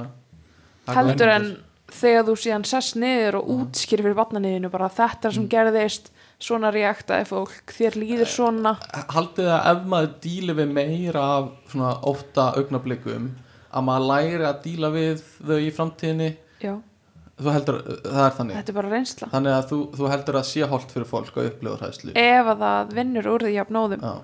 ég að meina, því ef það verður- ekki þá getur þú bara fengið PTSD eða Ah. Já. komplex PTSD sem er Klálega. bara viðbjöður ég er sammála því Já, sko. að þú vinnur úr því Það sem er vinnur náttúrulega úr því. alveg stór já, alveg mjög oft sem það vantar upp á og það er, mörgum sem upplifa eitthvað það er eitthvað sem ég ætla líka að reyna að tala um á eftir það er þú veist hvernig er best að vinna úr ótta af því það eru aðferði fyrir það náttúrulega hvert tilfelli er mismunandi en, en við tölum kannski aðeins betur um það eftir um, en ég ætla að tala um söguna sem ég var að lesa hjá þér þá var strákur að segja frá því að hérna, þegar hann var yngri þá, þá hérna, man hann eftir því að pappi sinn hefði komið inn til hans og sagt bara, heyrðu, þú þarft að koma núna og þú ert að fara inn á bað og hann eitthvað, ha, hvað, hvað ert að tala um og hann var bara mjög ungur kannski 5 ára, 4, 5, 6 ára og hérna pappans tekur hann upp og fer með hann inn á bað og hann er ennþá í einhver svona svefnmóki og átt að segja ekki alveg á þessu og fer svo, bara heldur hann sopni bara mm. svo kemur hann niður daginn eftir og er að tala um mömmu sína og pappa og, og segir eitthvað hvað varst að gera í nótt, akkur, akkur varst að taka mér á bað Já. og mamman og pappin eitthvað svona bara láta eins og við veit ekki hverju gangi og bara ha, ég skil ekki hvað varst að tala um, ég man ekki eftir þessu ég held sér að ímynda þær eitthvað Já, og hann er alltaf að hugsa um þetta í gegnum árin og svo hérna þegar hann er komin í háskóla tala hann aftur við mömmu sinna og pappa Mm. og segir bara munið eftir þessu atviki þegar hérna, pappi þú tókst mér og bafaði eitthvað tímann já, og þá sagði ok, ég var ekki viss hvort þú mundir eftir því en hérna þetta kvöld, þá heyrði ég og, ég og mamma henni að það var verið að brjótast inn niðri já. og pappi kom og tók þig og setti henni á bað til að fela þig og hérna við ákvaðum að segja þér ekki frá því þegar þú vaknaði daginn eftir uh, heldur hérna bara að því við vildum ekki verður hrætt, já. hrættur uh, og þannig að þú veist í því tilfelli þá var, sögðu við honum ekki frá því Mm. og ég veit ekki hvort það hefur verið betra að láta hann vita og segja að það voru þú veist, glæbamenn sem voru að brjótast inn í húsið eitthvað niðri já. eða hérna bara lá, láta hann ekki vita af því sko. ég held að það eigi ekki að segja þeim frá því fyrir að þau eru tilbúin að heyra Ah. Já. það og getið unni úr því Já, og með við að þau alveg hann upp ættu þau að vita hvernig hann verið tilbúin í það sko, Ah. já, þannig að ég getur verið. fylgi þessu um, en hérna já uh, uh, ótti, ótti, ótti hvað hérna eru þið með eitthvað svona fóbíur eða, eða er bara eitthvað sem, svona, sem vitið að hræðir ykkur Sko, ég, eh, ég er svona ég er svona soldið eiginlega loftrættur svolítið eiginlega loftröður Já, sko, ég er Ert- eiginlega svona hrættur við sko, að standa á brúninu á einhverju mm, ég tengja þetta er Þannig að þessi en, þú- tilfinning. það þarf ekki að vera eitthvað fall niður en líka bara Mm. að standa á brúninu á, þú veist, á höfninu eða eitthvað já ok að standa ofan að þar eða eitthvað svona sem að ég myndi ekki vilja detta Mm. hvernig lýsir þetta þér? Færðu í magan, finnur þú fyrir puttana einum eitthvað svona já, bara og svona kaldir? já, já, og finn svona tilfinninguna svona svona eins og það getur fyrir að Stöktu, eða þú veist, svona ha, stöktu Færðu þessi tilfinningu stendur nei, ég fæ svona tilfinninguna svona, svona smá hroll mm, Já, og svona eins og ég sé alltaf núna svo óviss um það, þú veist, hvernig ég held í jafnvægi, já, skilur já, já, já, ég tengi, tengi eins og ég missa eitthvað svona sens fyrir sig, Já. eitthvað svona, vó, er ég að missa jafnvægið og eitthvað svona, Ætli ég detti núna Já. stand, og ég stend bara Já, nú held ég að ég detti Ég tengi við það sko og þú veist, að horfa niður ef ég er á byggingu, þú veist, er á eitthvað tíunda hæð og horfi niður þá fæ ég alveg svona, Mm. Eh, Já, úff, maður fær þetta einmitt þetta úff sko ú, já Þetta úff kemur já, líka þú horfið niður og einhvern veginn fjarlæga skinni fyrir þú bara, Mm. Já. bara Heilið næri ekki alveg að prósessa hvað er Nei. þetta í gangi eitthvað hvað er langt niður og hvað er langt að sem Mhm. Já. ég stend og Ég, ég fæ þetta líka Ég fíla þetta smá já, Mér finnst eitthvað gaman við þetta sko já, mér finnst það hræðilegt uh, Sérstaklega, þú veist Og í eiginlega öllu tilhildum sem ég hef verið í Þá veit ég að ég er örugur já, Þannig ég næja einhvern veginn að hugsa þannig Og fæ svona mm, já, Fæ svona smá ví tilfinningu svona, mm, já. En, hérna, uh, en Þetta, er eitthvað, þetta er eitthvað þekkt hérna, þetta er þú varst að tala um þetta hoppað Stöktu já, þetta, Og- þetta og- er eitthvað þekkt syndra Já. sem heitir eitthvað svona kallega Já, handan eða eitthvað eða svona, þetta er, ekki, eh, þetta er held ég ekki syndra þetta er meira bara svona þetta er þekkt hérna dæmi bara að fólk hugsi svona þetta er líka þú ert að keira keira Já. til kant þetta er kallað eitthvað sko bomba á ljóstum já það er til lafni yfir þetta sko þetta er svona þessi hugsun þar sem þú ert að gera eitthvað og með bara mjög auðveldri aðgerð þá getur þú bara þú veist drepið þig eða eitthvað svona hefur Já. aldrei, hefur aldrei nætt í þessu Kristina jú, já, það get allir fengið já, þetta já, þetta er ekki þetta er syndrom ekki sko. svona syndrom já. Nei. þetta, þetta er meira bara svona hugsun sem kemur Já. og það er til nafni yfir það mm -hmm. sérstaklega á ensku ég efstum að þessi til á íslensku Call of the Void já, til, já, það er, já, það er sennilega eitt nafn á þetta mm hann er klálega þegar maður er stendur hátt uppi já. svona, ég gæti stokki ég er líka einhvern veginn sko, eins og ef ég stend á svölum hátt uppi já, og svo er ég svona að setja hendurnar á handriðið mm, og ég kíki svona niður já, það er einhvern veginn bara automatist kemur hugsun í hausin á mér hvað er handriðið gefið já, sig já, Þú já, veist. já. ég Já. hef gert það við erum með handri bara ymmit bara svona einum metra frá okkur Já. þegar við erum að taka upp ég, ég hef lent bara verið að gera það þar sko. Ég þetta er færi- smá rush já, þetta er rush ég, ég, já, en ég ætla að segja með þetta Call of the Void ég lendi líki í þessu með þú veist eins og ef ég er í bíósal sem er fullur já, og ég bara ég gæti staðið upp og öskrað núna og fengi svona svipað tilfinningu með það og þú veist að hoppa fram á brúni eða eitthvað já, uh, eitthvað svona, bara svona smá ti- hugsun sem skýst í hausin að þér já, Þannig að þú gæti gert þetta bara svona gera öllum að fundurum eitthvað ljóst mm, gera öllum að fundurum eitthvað ljóst já, Hva? já. ég er ekki í nærbúksum uh, já, akkur sagði ég þetta um, já, einmitt uh, svona hrætt við hérna há, háarhæðir já. loftræð hræðsla er nafnið yfir það uh, en það er samt ekki þú veist, ég tengi Nei. ekki við þetta einhvern veginn, þetta er meira það ef ég gæ ef ég treysti mjög mikið eins og ég finn ekki fyrir þessu í flugvél Mm. ég finn Já. ekki fyrir þessu í þú veist, liftu Já. eða eitthvað, ég treysti mjög mikið já, já.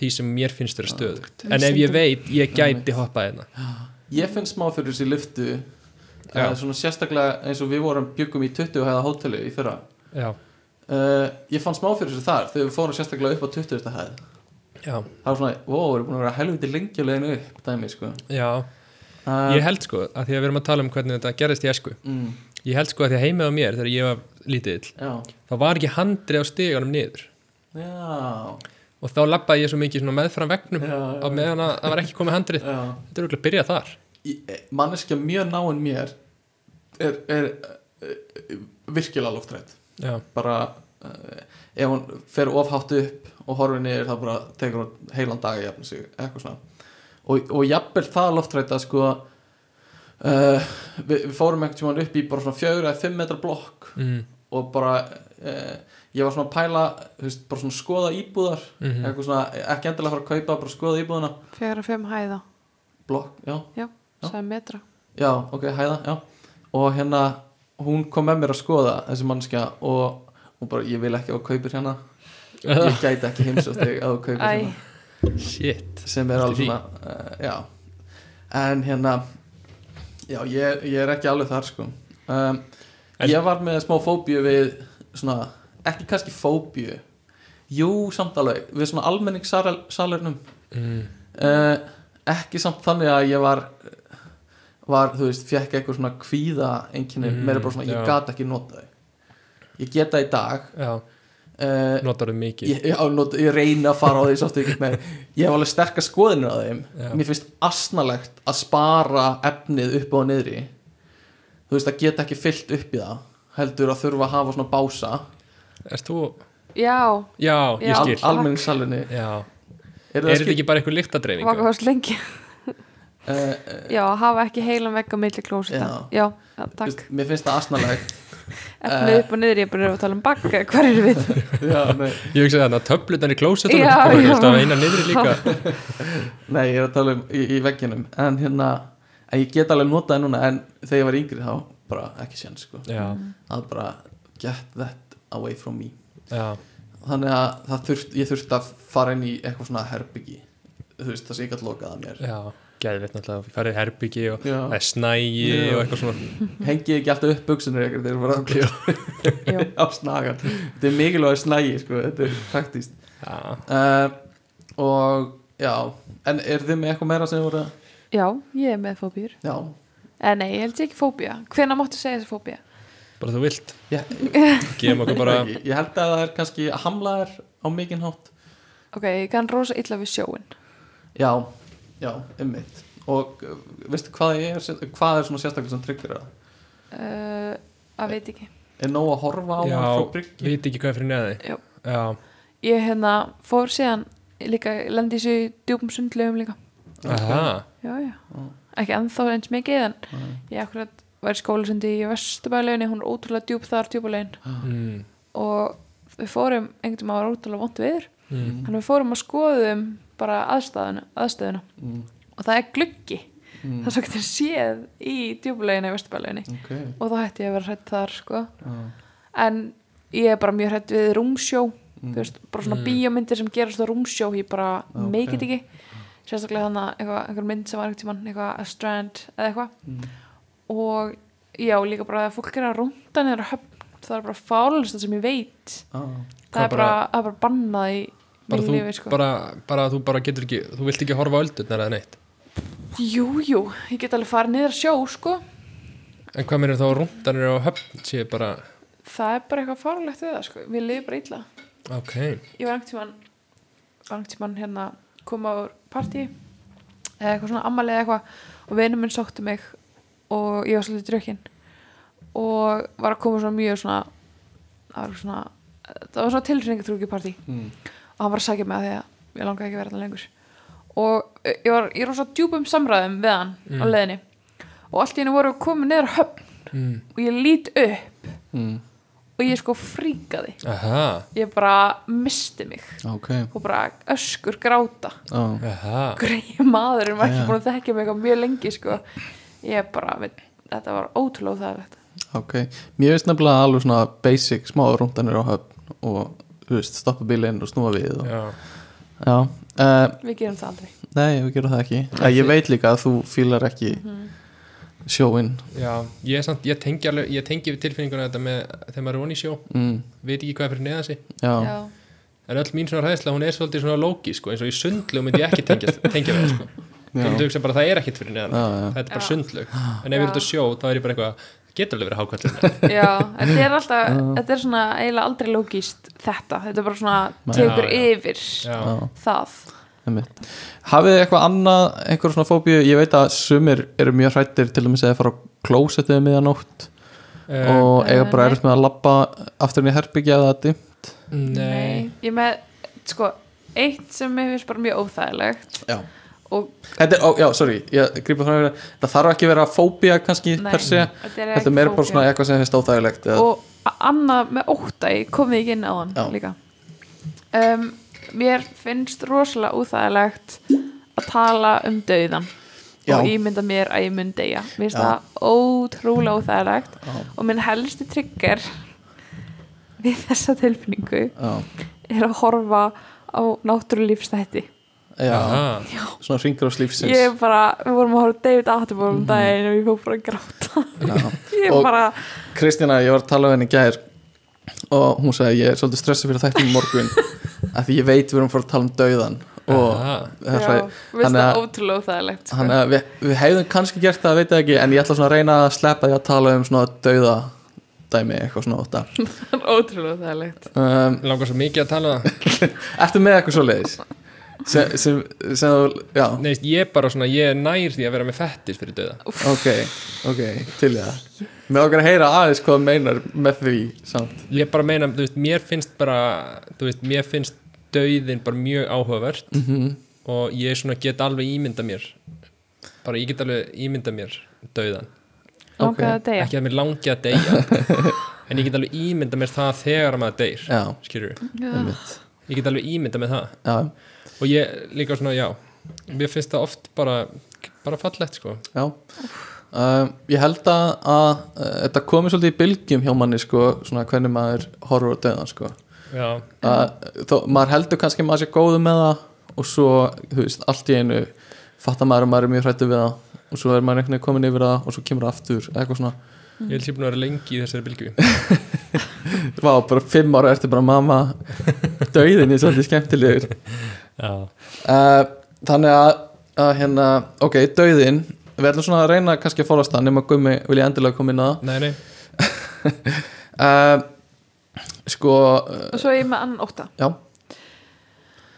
um, Þið voru að tala um eitthvað svona að vera hrættur og úlingar og eitthvað Mhm. já, Bara allt á því að labba heim á djámanu Já, Já. ég ætlaði einmitt að nefna það Ég held að þetta sé ótti sem Þetta er svona, bara, þarna fyrir bara adrenalín, Já. hjartað já, bara, þú veist, þú ert með líklana í hendinni þú Já. ringir í vinkonu klálega þú veist, þetta er bara, ég skil það bara ógislega vel Já ég, Ég- hafið upplifað þetta Nei, Nei, sko, ma- að því að hafið málega aldrei upplifað þetta eða sko, það sem að, að því ég veit þú veist, óþægilega tilfinningin já, að því ég svona næja hugreista sjálfa mig eiginlega bara út frá því að ég sé stór og það, þú veist, ef það gerist eitthvað þá geti ég barist á móti og eitthvað svona mm. veist, það er svona, ég nægilega svona róa mig að hugsa um það Já. að þú veist, já, ef einhver, þú veist að enginn myndi ætla að gera eitthvað og ef hann ætla að gera eitthvað þá, þú veist, þú veist hann kemst ekkert upp með mikið, skilur nei, Eh, þannig að ég, svona, ég skil rosalega vel að fólk mm. upplifir þessa tilfinningu þegar það upplifir það að það gæti kannski ekki gert eða Já. þú veist, að það væri kannski hægt einhver annar stærri gæti komið og eitthvað já, ég hrættist bara svona aðeins út fyrir aðalgötunar í bænum já, einmitt og þú veist, ég var að vinna á veitikastöðum mjög lengi, nokkur Já. sömur Já, og var kannski að vinna til 2, 3, 4 mhm, lokuðum þrjú eða eitthvað og bara lappa heim var bara viðbjöður sem geraði að verkum að ég lappaði þú veist laugavegin og Mhm. Já. hverfiskutuna og þú veist fór þessar stóru götur einmitt og svo síðustu ár eftir aðtökið þannig þá bara var ég fann að taka leigubil heim á djáminu, Byrnu, Já, byrnu átökið já, bara ónæmt aðtökið skilur og þá bara var, var ég fann að taka leigubil og mamma borgaði fyrir mig leigubil heim, ég bjóði í mögbænum sko, ég Já. þorði ekki að lappa heim Þú veist, bara allir, bara þú heyrið þér í einhverjum þú bara, Viljum við ekki nefna nafnið á átökinu? eða? jú, jú, ég veit ekki ég, ok. ég held sko Ég held ég, að, já, sorry ég hef séð hérna er ekki til eitthvað svona app það sem er hægt að ringja í eitthvað bara eitthvað svona símalínu Jú, og þeir taka staðsendinguna þeirna og eru með þér alla leiðina og já, ok þú Mhm. veist, ef, og eitthvað svona og eru bara með beint sambandi við lauruglu veist, laurugla sem er staðsendinguna þína hérna og ef það gerist eitthvað þeir heyri það og þeir geti kallað út og eitthvað svona Pá þetta sko Ég hef ekki heyrt það en það getur verið sko Þú veist, ég er alveg með Fight Your Friends hjá vinkonum mínum já, mm, Þú veist, vinkonum mín senda á mig bara rétt að orðin hún fór hérna okkur deitt Já, Já. og ég er að það með hana Núna ég held að já, þetta sé ef þetta app er ekki til þá þarf þetta app að vera til helgi já Já, þessi þjónusta Þetta er uh, klárlega eitthvað sem er uh, vel kynjaskipt dæmi sko þetta er svo ótrúlegt uh, og bara mjög skiljanlegt sko ég, það er svo, það er svo magnað einhvern veginn þú veist hvað maður hefur aldrei upplifað þetta sjálfur en þetta er einhvern veginn í kringum mann út um allt sko Ég upplifði þetta ekki þegar á hlaupahjóli Það er bara Nei. að það, fatta það núna Þú já. já, veist, Það er alveg næs Þú veist, það er enginn að fara að gera nýtt við því Þú veist, á hlaupahjóli einhvern veginn leigubilstjórar kannski en fyrir utan það ekki mikið Nei, samt ekki Eða þú veist, þú kemst alltaf heim Eða svona, já, svo hratt, ég, skilur. leit, ég var bara að tala að leigubilstjórar voru á móturlöp að skiptir ekki máli. já um, en hérna já og uh, Já, þetta er klálega mikið vandamál og það er verið að tala um að strákar eigi að færa sig yfir götuna alltaf, ef það er stelpað að lappa á sömu gangstjátt Ég myndi kunna að meita það sko mm Mér finnst það alveg mega sann sko Ég verð samt að viðkynna að oft er ég bara í mínum einn heimi og er ekki að skynja hvað er í gangi í kringum mig þegar ég er að gera þetta eða labba heim, þannig að ég gæti, þú veist ekki fatta að það er einhver að labba fyrir aftan mig eða eitthvað um, mm. Það er náttúrulega, kannski, maður upplifir þetta ekki eins mikið á sumrin Náttúrulega í byrtunni sko Já, það Já. veit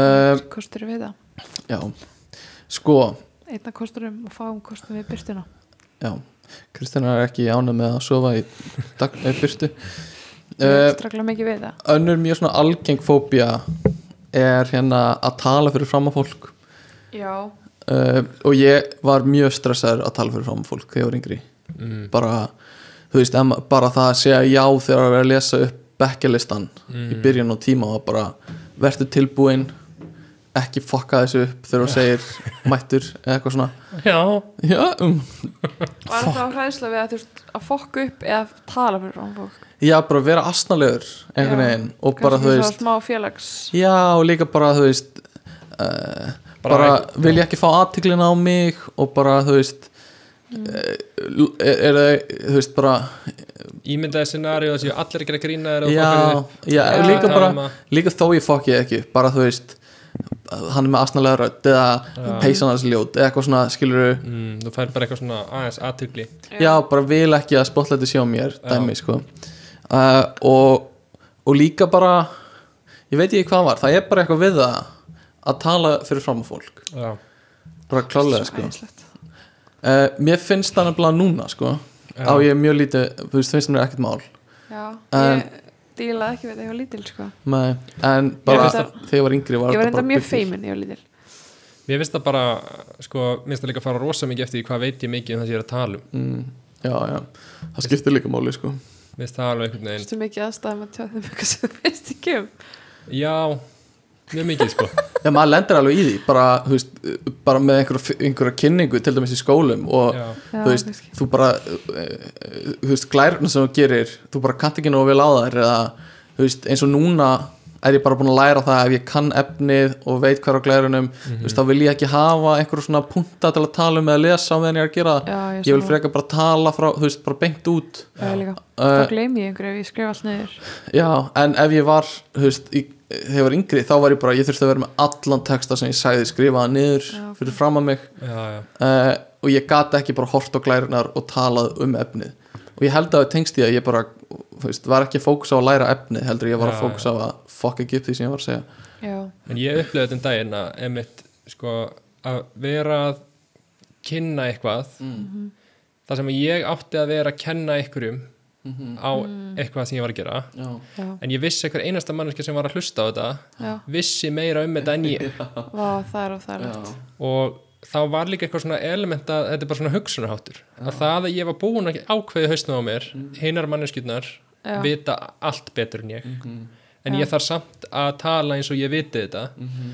og þá var bara svona einasta setning sem ég segja var bara þeir eru pottið Já. ósamála þeir eru að fara að leiðrétta Já. þetta Já, þeir eru já. eitthvað, þeim finnst eitthvað aðstæðlegt í Þetta þarna er eftir að tala um þetta sem þú varst að gera nýlega já, Já, ég veit hvað það er að tala um uh, Já, klárlega ég, og maður er auðvitað bara segir eina setningu svo hugsa maður ætlaði eitthvað sem hefur verið rétt já, já, og svo segir maður næsta setningu þeir eru auðvitað að s- hugsa hvað þetta er asnalegt hjá Já, mér já. næsta setning, eitthvað svona mm, klárlega sko Það er smá Um, svona líka að maður er að kenna maður er svona Mm. alveg viss Það er mjög Já. og það er lett Ég fekk þetta líka stundu þegar við vorum að taka viðtöl við fólk í ötsi hlaðvarpinu sem við vorum með Kristjana Aha, að ég spurði einhverju spurningum og hugsaði bara make þessi spurning sense mm, bara er, er, að- er, er þetta astnali spurning um þennan vafra eða eitthvað svona þegar við vorum að tala um vafrakallin já.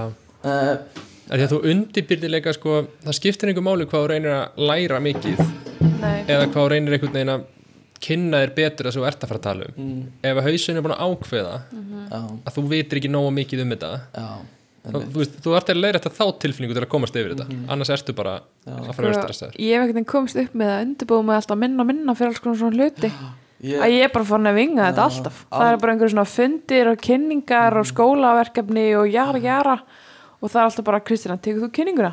mm. Já, Já, Gerðu það, það er svolítið ótrúlega Sa, sama á mér sko og það var eitthvað svona í svona öðrum eða þriðabæk mentaskóla þá bara eitthvað svona klikkaði eitthvað hjá mér já, og eftir það þá var ég bara já, ekkert erfitt með þetta mér finnst það smá, bara, ga- mér finnst það mjög gaman yfirleitt en ég þarf reyndar að komast í eitthvað svona state, Já. eitthvað smá orku svona business sjómli Já, og bara svona smá svona uh, Já, ekki kannski karakter en ég þarf svona aðeins að kúpla mig inn í einhvern annar gýr já, Eh, fyrir, já, já. já. að því ég gæti ekki bara svona nývaknaður kaldur bara, hei, ert þú ekki með kynninguna bara spontant mhm, það er uppáhaldsmomentum mitt að konkura sko. Já það uh, er, en ég þú veist, ég, fór, ég var eins og í stjórn Jónvömmen Já, og var að kynna skólakynningar var að kynna bara starf Jónvömmen Já. og hérna, kynna ég fyrir krökkum í grunnskóla og mentaskóla já, og eftir það hefur ekkert kynningargig verið erfitt já, ever.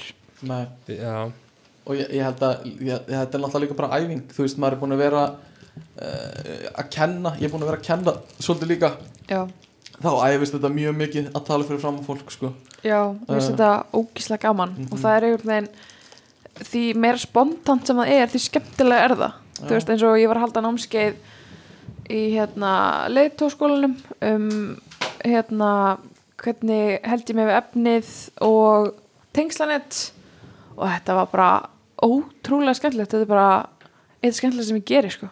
Já, uh, við skulum reyna að keira smá áfram uh, Er eitthvað sem svona pyrrar ykkur sem er ekki beint fóbía? já, ég er mitt þannig Pyrrar ykkur meira en að ætti að gera? Já, já, ég er með alveg nokkara þannig sko Ok, gott um uh, og fyrsta sem er svona fólki við skrítið, Mm. ég þóli ekki þegar einhver býtur í gaffalinn ég gera þetta bara til að djóka sko. ég er bara, Ah, ég meika það ekki sko Gerða það mér að leiðist, þá gerði ég það. Ah. býtur í gaffalinn, Já, mér leiðist.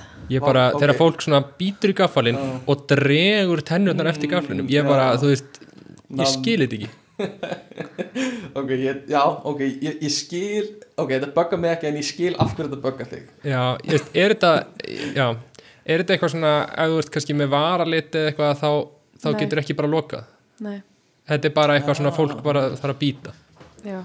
Vá, Það er bara það sem elska fólk gerir, tilfinninguna að finna bara bara gaffalinn nuttast upp í tönnina þína Já, akkur ekki. Oj, af hverju ekki, bara það eru mikið ástof já, já, ég, það pyrra mig já. um, Þetta er svona, þetta er svona, svona keimlíkt í þegar þetta hljóðið sem kemur þegar þú skrapar disk Ó, hníf og eða pyrrdiska. krítatöfli, úff. Já. Kríta töfluhljóðið og margir Mikið finnir er. þetta er eitthvað brakar í puttunum og svona, Já, Já, einmitt, margir bara þóla það ekki einmitt. um, já, svo svona sko, já þetta er kannski ágjálfi við en svona eitthvað sem pyrra mig Mm. um, það var þetta með einkennisbúningana og öryggisverði Ok, það pyrra mér rosalega svona, svona þegar fólk kemst í einkennisbúning já, og fær eitthvað svona völd já, og það svona nýtur þau gegn mér já þetta, er, þetta Mm. er akkurat það sem ég var að tala um í- að reynda Já. að segja um IKEA-gæjan já, ég kom því bara ekki alveg nógu rétt frá mér já, hann var svo góður með sig Já. í IKEA-einkenningsbúningnum já. að það var svona það sem ég hefði kannski átt að segja meira og þetta er svo ógeðslega pyrrandi mm Mhm. þú ert kannski bara, þú, veist, þú getur verið hvað sem er en ef þú færð búning Mm. þá verður þú það verður Skilurðu? já, alveg klálega veist, og a- a- allar einkennisbúningastöður Mhm, er, geta verið pyrrandi þeir eru eitthvað svona að nýta völd sín og eitthvað svona mikilmennska. eins og læknar í sloppum alltaf bara eitthvað úr buksunum alltaf að segja þetta við mig bara þeir, bara þeir í sló bara, í- svo er þetta bara, er þetta auklagnir skilur. Já, bara, já, ég ætla að kíkja sjónunum Já, fara úr buksunum nei, en þetta er allavega mér finnst þetta alveg rosalega Mm. þetta pyrra mér rosalega mikið Já, ég tengi og kannski meira en þetta pyrra mér Eitt sem pyrra mig svolítið oft er svona smóltólk já, stundum bara get ég ekki smóltólk nei, bara svona, ef, einhver, ef- ef fólk byrjar árið þá bara sloknar á mér ég bara svona slefti því frekar já, og vil oft frekar bara koma beint inn í eitthvað sjá- bara svona eitthvað alvöru sko já það er bara, já og líka fólk sem er lélegt í því þú veist, að, sem, sem svona reynir já, bara ég, ég vil ekki eins og gefa ykkur kredit fyrir að reyna sko, bara, nei, mitt bara hætti uh, en, en aftur þetta, er, þetta pyrra mig meira en að ætti að pyrra mig já, er smóltólk En þú Og- smóltölkar eiginlega aldrei.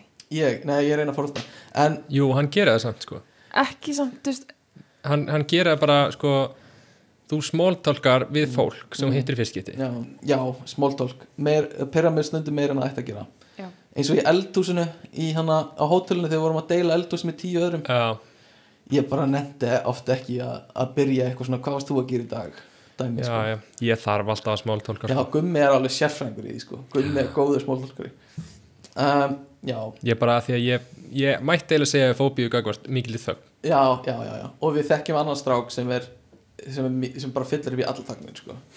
og, og er bara mjög góður í því sko. Já, það já. bara, ef þú þarft einhvern, einhvern tíma með þér að hitta einhvern sem þú þekkir ekki drosa vel já, fáðu hann og hann bara sér og um hann þetta, tengir við eitthvað sko. já, bara bara manneskinu er áhuga á prumpuslými Já, og hann er bara heyrðu, búinn þegar ég um var lítill, ég var með endalist prumpuslím bara eitthvað svona strax sem er mjög góð kostur prumpuslím. já, um, Já, ég held að svona flestan fyrir töðunar mér eh, svona pyrrandi tengist óskilvirkni óskilvirkni, já en áður en við förum í það, að því ég glemt vorum við ekki að tala um það?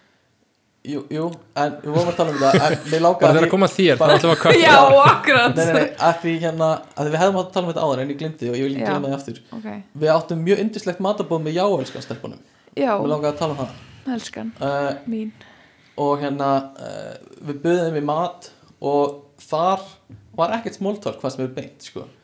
við byrjum bara strax að spjalla um eitthvað þú veist, sem innihjælt eitthvað skilur Það var bara hann í brunin í stofu bara svona eðlilegt Já. smáltök þannig að fólk geti kynst ég var náttúrulega í eldúsinu í svona fyrsta klukkutíman Já, akkurat þannig að ég Já. mista því en hérna það var, Sjálfsteppi það var mjög næs og hérna uh, virkilega gaman að spjalla við þær við erum að, ætlum að stopna svona podcast mafíu sko, Ok, eða svona styr, stuðningsnett fyrir podcastar já, Mm. Þannig mér erst aðeinslegt hvað við tölum mikið um pítsur tölum við pítsu svolítið mikið en ég Það ætla að er- segja líka bara ef einhver hlustandi er að stána podcast Mm.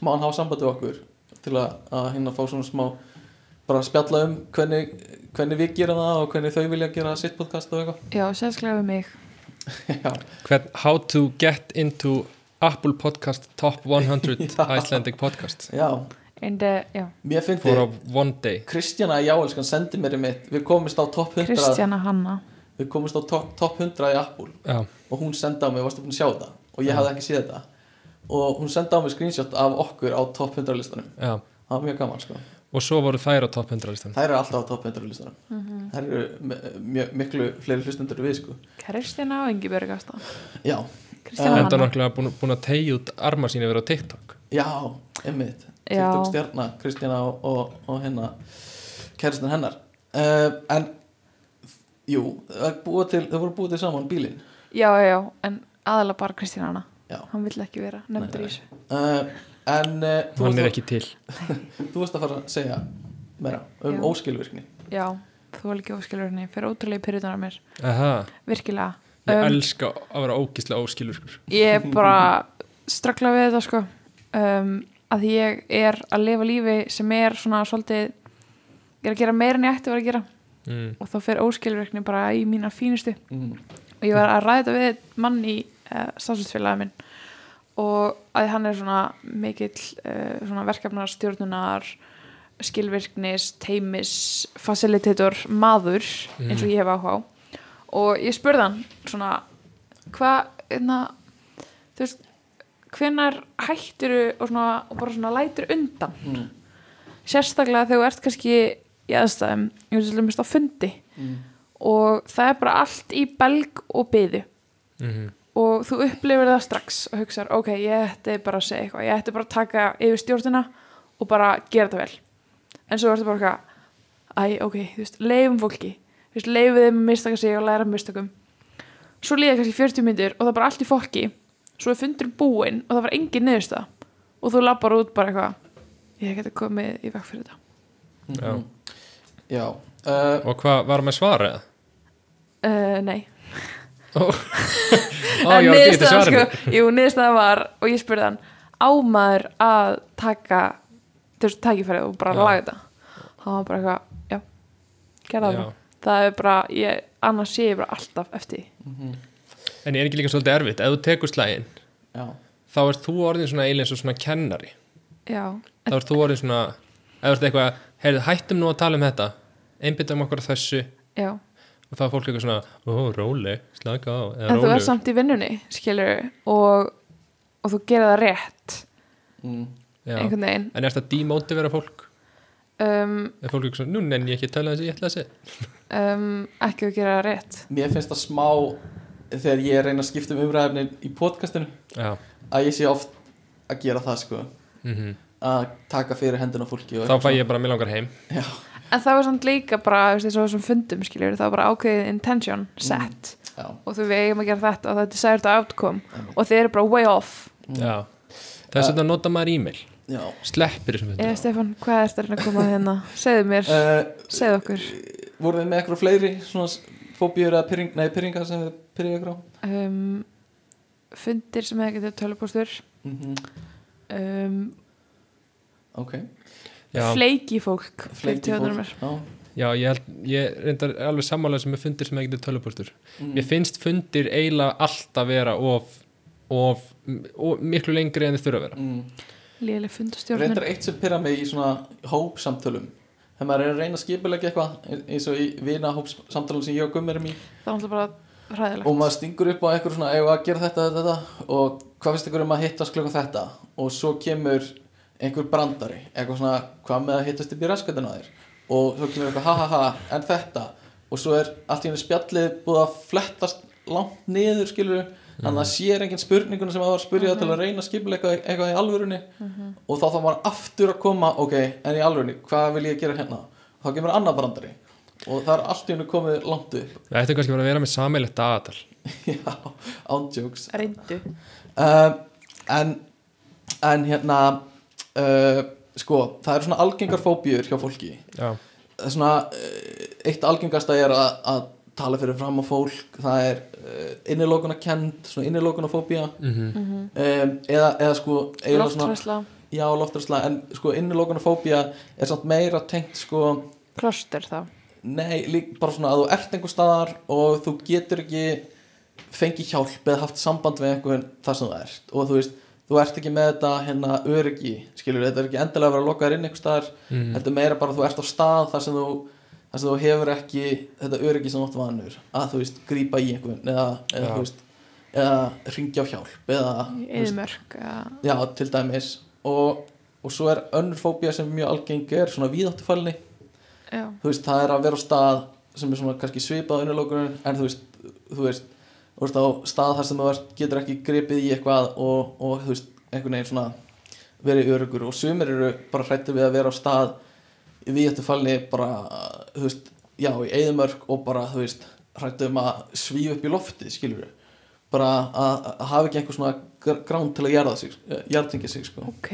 ok um, og fleiri svona algengafóbíur eru, eru hérna uh, kongulofóbía fuglar, fuglar ég, já ég viss ekki að veri alveg svona algengt en, hvern þekki þú? já, mann það ekki að var samt einhver snákar, já, snákar og, skortýr uh, já, og hérna aðalega íslendingar Mm. já, við hefum alltaf séð þetta um, en, en Mikill kostur. Gummi, varst þú ekki með eitthvað svona fullt af Einhverjar fóbíum? aðrar? Jú, ég er með nokkrar Já, já, sem að ég er svona reynd að velja svolítið svona skrýtna fóbíur já, og eiginlega komst að því að þú, veist, þú, get, þú þarf bara að gefa því nafn já, þetta er basically bara hræðsla við eitthvað já. já, þú veist, fólk getur hrætt við alls konar en ég ætla að koma hérna með latneska heitið Mm -hmm, og þið eigið að fyrst giska á mhm. hvað allt þetta sé Krónofóbía, að Krónofóbía eitthvað gerist aftur eitthvað gerist aftur um, eh, Þetta er eitthvað oddkvast nei, þetta er sem sagt fóbían við tíma yfir höfuð, Ah. bara það að tímanum líði mm,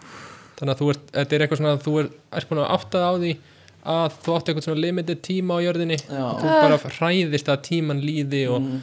þú Ah. þetta líður er eins fóbia og, mín þetta, Kristina, þetta heillar ekki Kristina og líður eins og þetta líði allt og hratt stundum Ah. og stundum hægist á því og eitthvað svona, ég finnst það mjög óþægilegt Já, oi, einmitt. næsta Herðu, tripofóbía já, tripofóbía, já træpafóbía þetta er svona, þetta er fóbía við svona litlum götum eða svona göt út um allt og þetta er svolítið eins og svona, svona s- svampar eða eitthvað svona eins Já. og eins og að þú ert, ég myndi að það er fílapensla á nefinu á einhverjum Mm. og þú ert búin að opna alla fílapensla og það er svona, bíflugnabú það er svona lí- já, bíflunabú eða svona lítil göt á nefinu gæsahúð gæsahúð, eitthvað svona, þetta er svona litlar er það Já, ekki? jú. Þetta er hvað, svona- þetta varst er þú að vinna raunuð- heimaðunna en að Ég bara, nei, ég bara hann er bara flúin ég er bara Jæja. flúent í fóbíu ok, ég ok, ætla að vinna ok, núna, núna já, Kristína var að byrja núna Ok. en þú ættir þarna áfram fyrir ekki uh, skoptofóbía skoptofóbía S-J-O-P-T-O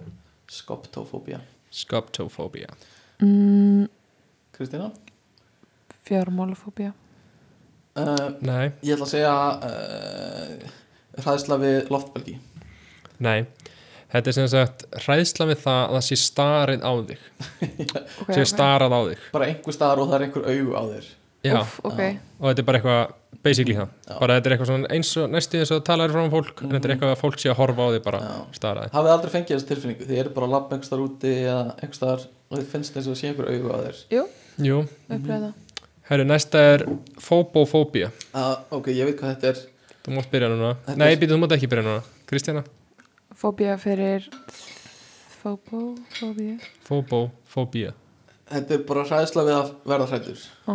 og upplifa hræðslu þetta er bara hræðsla við fóbíur Já, og þetta er, fólk upplifir þetta, þetta er svona semi-algengt sko, fólk verður mjög hrætt við að, þú veist, upplifa ótta Mm. og hérna, þú veist, það hefur kannski upplifað ótta einhvern tímann og fengið mjög mikla óþænda tilfinningu, ofsa kvíða eða eitthvað og það er bara mjög hrætt við að upplifa það aftur. Já. Herri, uh, porpír, porpírofóbía. Porpírofóbía. Eitthvað tengt eldi. börn Nei, þetta er hræðslan við litin við fjólublón. ah, Já, Mhm. Og veistu það er siðlaust, ef þú ferðin á vikisíðuna fyrir þetta, þá er hún öll fjólublón. æg, Á æj viki.org, eða fóbia.vikia.org, greið, þá er bara öll síðan er fjólublón. æg, æg, Ítla greið. gert. Herri, ok, tökum hérna, eru töfið viðbútt. Mm -hmm. Uh, oktofóbía, um, áttirningafóbía áttýrningafóbía. Eitthvað tengt tölunni átta. Þetta er bara hræðslan við tölun átta. Ah. tók þetta og, langt. já, og það er bara eitthvað ástæður í því og eitthvað að snýrðina hlið þá sé þetta óendanleik Mm. það er eitthvað svona sem fólk hugsa um mikið ok, var Ég verð síðasta hrædd við það. Já, uh, þetta er hérna K-U-M-P-O-U-N og fóbía K-O-U-M-P-O-U-N kompun, kompónfóbía kompónfóbía. löngorð kompónfóbía nei það væri svolítið siðlust að skýra þetta Já. kompónfóbía Ég held að oft, já, ég held að sé langt orð fyrir löngu orð fóbíu já, Aha. ég held að en já, ég veit ekki, kom bara, bara fóbía við hérna eh, kent ára hérna, já, ok eh, hérna ljós Ljós, nei, þetta er hræðslan við svona hnappa svona Já. eins og í Takka. fötum, já, Já. tölur tölur og nappa, já þetta er hræðslan við það já, og, og já, hérna, fóbían yfir löngorð hún heitir sesquipedalofóbía æjæjæj fetilafóbía uh, sko, önnur svona fóbía sem er mjög algeng sem ég ætla að segja á þann er eh, svona djörmofóbía svona ræðsla við, við Já. síkla já, sem ég held að hafi mögulega magnast hjá mörgum þetta hefur verið Síðustu tvö ár, mjög sko. erfitt ár Já. fyrir virkilega erfitt sko. og svo svona, eftir þessu kemur oft líka svona heilsu mm. já, Já, sem er hypochondriakt fólk sem er mjög hrætt Jæja. við sjúkdóma og þetta er hypochondri er mjög áhugaverð hlutur vegna þess að e, mjög stór hluti af læknanemum og læknum mm díla við þetta einhvern tímann nei, uff og það er, það er bara það algengt að þú veist að, að já, þetta er bara þing að þú veist Mhm. að, að þegar þú ert komin ákveðið langt í læknisveðinni þá ertu búin að læra á alla sjúkdómana já, og þú heldur og sért með allt sem já, þú ert búin að já, læra um já. og svo einhvern veginn kemstu yfir það þegar þú lærir meira þetta er svona ákveðin bylgja sem fer upp og svo fer hún niður aftur já, já, já. þú er búin að læra meira En en, svo googlararnir, já, já þeir eru oft með já. alls konar einkenni einmitt, nema þannig ertu basically námiðt snýst um Já, að, já. gú- þú veist, að vera að googla allt og allt einmitt. eða þú veist að læra á þessa sjúkdóma og þetta er, já, þetta er bara þing í læknisfræðinni Já. að þú veist læknar og læknarnemar lenda í þessu og bara fara að tala við heimilislæknisinn og bara ég held í sem með bara bryskrabba mein og ég er búin að vera Já. að finna fyrir í mjöðminn á mér og ég held að, ég held að eittlani mínu séu orðnir allt og stórir og Já. eitthvað svona að því varst með aukna munvans frárisli eða eitthvað já, það er, þannig að Mm. líka, það er líka svona eins og mamma hún er læknir og þannig að þegar hún ef ég er með eitthvað, það er alltaf með svona fræði heiti yfir það já, og fræði heiti hljómar alltaf eins og eitthvað miklu verð einmitt. Þú veist, það er alltaf bara, vá, ég held þú sért með bara Disable influenza. hippokracracius, eitthvað svona og þá er það bara, þú veist, út með vokrísi Einmitt. Þú ert með kvef og mamma er eitthvað ja, streptokokkar og Já. maður er bara eitthvað streptokokkar Þetta er hljóma hættulegur hljóma eitthvað svona á, klálega um, Kristina, varst þú með já, eitthvað á þér? já með krýpur hlutir uh, á nóttinni en venjulegir á daginn ok, til í það við erum fjóra hluti já, uh, grafa hólur já, góð, já maður vill ekki sjá fólk vera að grafa hólur um það nátt Já. mjög góða punktur, Já, ég samþykja það það verið creepy en ekkert rosa creepy að það er bara á, á, á daginn barnan leika sér í rólu það hefur verið creepy á nættina Það er creepy maður Shit, og ískra svona Bara barn yfir höfuð eitthvað staðar um, svo er þetta speiklar líka Já, ég þekki strák sem var mjög hrættur við spekla Aha, Já, og sálfræðingurna sagði uh, farðu í eitthvað svona speklasal horfðu á hryllingsmyndinar mirror Mhm. og eitthvað svona Mm. og það var það sem hann átti að gera og hann var bara lafandi hrættur við þetta sko aha bara meika þetta ekki sko. Þetta er samt, já Speiklar, það er líka fólk fyrir gegnum svona Þetta er ákveðið meðferð að taka alltaf speikla í byrtu mm, Svo því okay, maður- Svona bara þú, Já, Hmm. með það sé sjálfið ekkert eða gott fyrir eitthvað. okkur að horfa á Já. sjálfa þig og eitthvað já, Já, einmitt. þú til dæmis og allir sorry komið að ég sé að singla þig út en þú ert með mjög distinkti svip sem þú setur upp þegar þú sér spegil sko. Já, what bara í hvert, eiginlega hvert einu skipti sem þú horfur í spegil já, það var spe, spegil í lyftinu okkar nefnilega á hótelinu já, og alltaf þegar fóru niður þá var svona hálft sekund uppbrot það sem Oh my maður God. sá sveipuningum en það ég gera hefði þetta allir sko. fengið sko bara fóbíu fyrir þessu eða öfugt, ég hefði fengið Já. svona þráfa ekki að sjá þetta sko. Eh, en sorry að ég sé að singla þig út af því það gera þetta allir ég má bara eftir að teki eh, mest eftir sig á þér já en alveg bara já, náttúrulega mikil samverja sko. já, en síðasta er svona mjög klassik Mm. símtal símtal á nætina já. Já. vilt helst ekki fá það á nóttunni frekar á daginn já, Mm. það er alveg Já. svona sjónum með sko um, og svo Fíla. átti ég að finna fóbíur fyrir frekt fólk en við getum bara svona sett það á backlog já, eh, bara ég getur sleftið í mér finnst það mjög óáhugavert sem ég sko þeir getur bara að googlaða krakkar um, en hvað gerir maður við fóbíum fóbíur, fóbíur Maður sko, ég embracea þær held að fóbíur væri þannig að þú myndir ekki yfirstega þær mm. heldur þú myndir yfirstega að þú væri með óta og ég held að vera svona greinamöðunar milli fóbíu og óta Mm. ég held að fóbíu væri bara eitthvað svona læknisfræðilegt þú En það getur eru að stíði yfir hann skilur Já. og þurfti bara svona eins og þú veist Júlia fór á námskeið og hvað En það er svona treatment fyrir eiginlega öllum fóbíum já, sko. já, já, já, og langflestar snúast um það að hægt og rólega að svona kynna þig fyrir því óttanöðinum þú veist, það varst með loftræslu bara svona hægt, bara svona smám saman að nálgast einhver, einhver, einhver háabrún og þú veist, þá fyrir að mynda minningar þar sem þú upplifir þetta en það kemur ekkert fyrir mm. en ekki fara strax svona í bara mjög ykt heldur bara svona hægt, mjög Já, hægt og rólega í skrefum Já, það var hérna, með hérna, flughræsluna já, það var mjög áhugaverð svona hvernig ég tekið á því mm, eitthvað sem kannski fólk sem eh, þekkir ekki flughræslu hefði ekki pælt í já, en bara það að þú ferði í flugvél Mhm. og það útskýrir eitthvað fyrir þér nákvæmlega hvernig allt virkar Mm-hmm. já og útskýrir fyrir hverju hljóðin eru mhm það er bara virkar rosa vel fyrir fólk sem flugur já, já,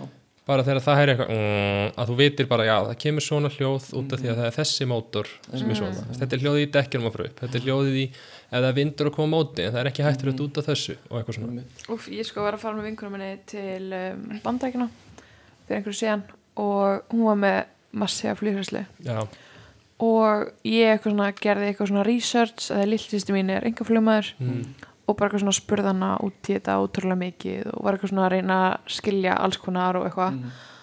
og þannig að á flugvillinum vorum við að fá okkur bjór áður um að fara út Mm.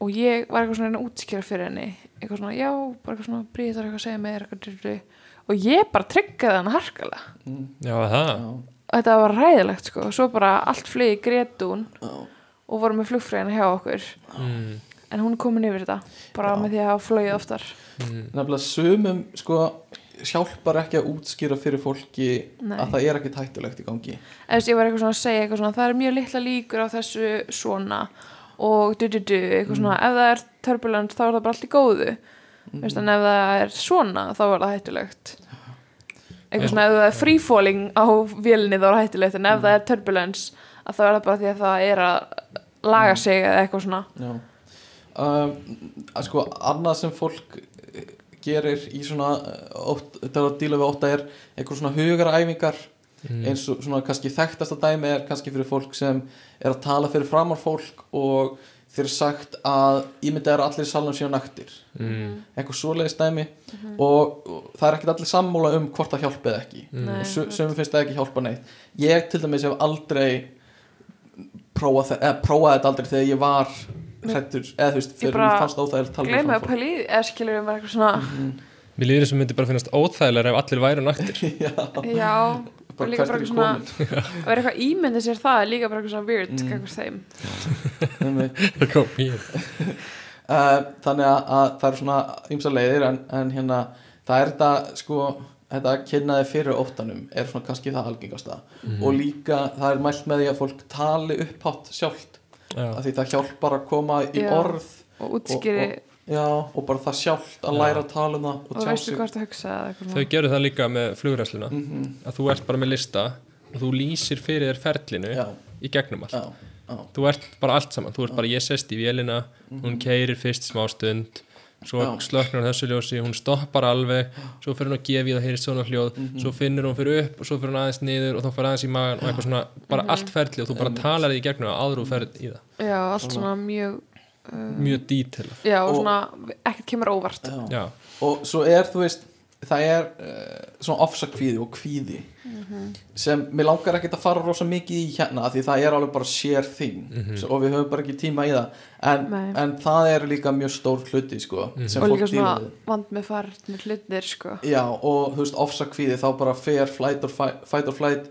viðbræðið eitt í gang bara á 0-1 og þú veist hjartaðið fyrir fullt og bara þetta þetta sem ég var að tala um áðan með bara blóðið þitt fer úr útlimunum og eitthvað svona um, og, og rosa margir sem er að díla við þetta hérna, þú veist, þurfa að læra bara að þekkja einkennin Mm. og halda þessi að fá hjarta áfall þau þurfa bara að læra á það að það er ekkert hættulegt að fara að gerast Mm. og eitthvað svo leiðis og það eru líka til alls konar svona leiðir til að díla við það sem held ég að mögulega komi inn á aðrar fóbjur er þú veist eins og þú ert, þú þú ert að telja upp hlutinu sem eru í kringu þig mhm, upphátt og segja til dæmis hvernig þeir eru á litin Já. bara uh, brúnt borð mhm, En uh, Mm. bara- grár sófi græn blóm sem trublar þig eða svona já, þetta, já, þetta einhvern veginn hjálpar þér svona að, að tengja þig við núi já, nú er þetta undræðing Já, ykkur og hérna það er líka eitt svona sem fólk notar til, að- til að hjálpa sér En þú veist, er ótti eins og þú lýstur honum fyrst, skilur mm. að við erum með tvö kerfi, við erum með sef-kerfi og dreif-kerfi mm -hmm, sem er bara annarkvort alltaf í gangi mm þú veist, ótti vandilega fer dreif-kerfið þitt í gang já, á fullu Ég- oft sko já. og bara mismikið Já. en svo getur þú samt verið með fólk sem bara fer aldrei í sef-kerfi Já, og þá, þá er þetta, þetta, þetta var- er rosa svona uh, st- ég var að hlusta á podcastum myndið mitt og þú veist það er rosa stór orðum heilan hvað svæði í heilanum er að virkjast og eitthvað svona mhm, og þá þú veist er að virkjast svæði í heilanum sem, sem, sem, sem uh, fight or flight setur allt í gang mhm. og svo á að vera sefkerfi sem róar þið niður Mhm. og stundum er það bara ekki alveg að tengja hvað á að gera á réttum tíma og eitthvað svona eða bara er ekki í aðstæðum bara Já. hefur, bara hefur yngri og, og kemst aldrei í sef-kerfið þitt já, þannig þannig, getur þú þróa með þér Já. bara, einmitt bara, já Klálega, en ég vil ekki tala ómikið um þetta af því ég er ekki með þetta allt á hreinu um, þannig að, að það er rúglega eitthvað sem við höfum farið með róntmál hérna en, en, já, Það væri nú eitthvað nýtt Já, það væri nú eitthvað nýtt. En þetta er svona cirka svona sko, þessi kerfi er ekki alveg að virka rétt sko Mhm, um, Sko, ég er með nokkra svona uh, nokkra svona pælingar sem, sem tengjast óta eða svona hræðslu og, og svona skrýtnum hlutum um, okay. pæli í því ef að til dæmis já, pæli í því ef að hérna augnhárin okkar myndu vaksa eins og venjuleg hár Já, og þú Ok. væri bara með augnhár bara svona, mhm. myndu bara vaksa alveg niður ok og svolítið creepy mm, Þetta er náttúrulega mjög þekkt ok í hérna, svona rillismyndageranum já, að við mannfólki hræðumst rosalega Ói, ég var að sína að Nei. mynda þessu núna já, en þú veist, þú myndir bara klippi þetta og það er þið bara svona alveg eins tæki Mhm. og hérna myndir krullaður regnarinn já, En, en þetta er satt mjög þekkt að við mannfólki hræðumst eitthvað sem er alveg eins og við nema eitthvað smá abnormal Já, það ekki Mhm. Þú veist, þannig að í hryllismyndum Já. í frekar en að sjá eitthvað skrýmsli sem er allt öðru sem við þá hræðist þau eiginlega meira að sjá bara mann með mm. ógeðslega langar hendur Eitt auga þetta eða tengist svolítið svona, uncanny valley mm. það sem ég talaði um eins og í svona animationi eða, eða verið að gera róbóta, mm -hmm.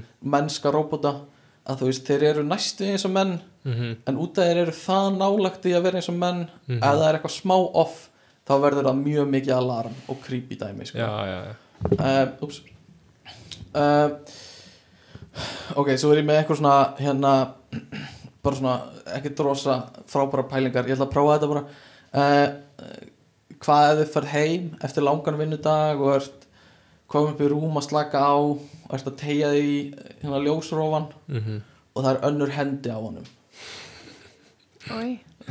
ok já, uh, ok og þú ert að hérna þú finnur fyrir eitthvað svona þú ert að klóra þér undir hirntólunum sem þú ert með Mm. hlusta á tónlist og þú liftir hirntólunum upp og það dettur konguló út mm, Oi.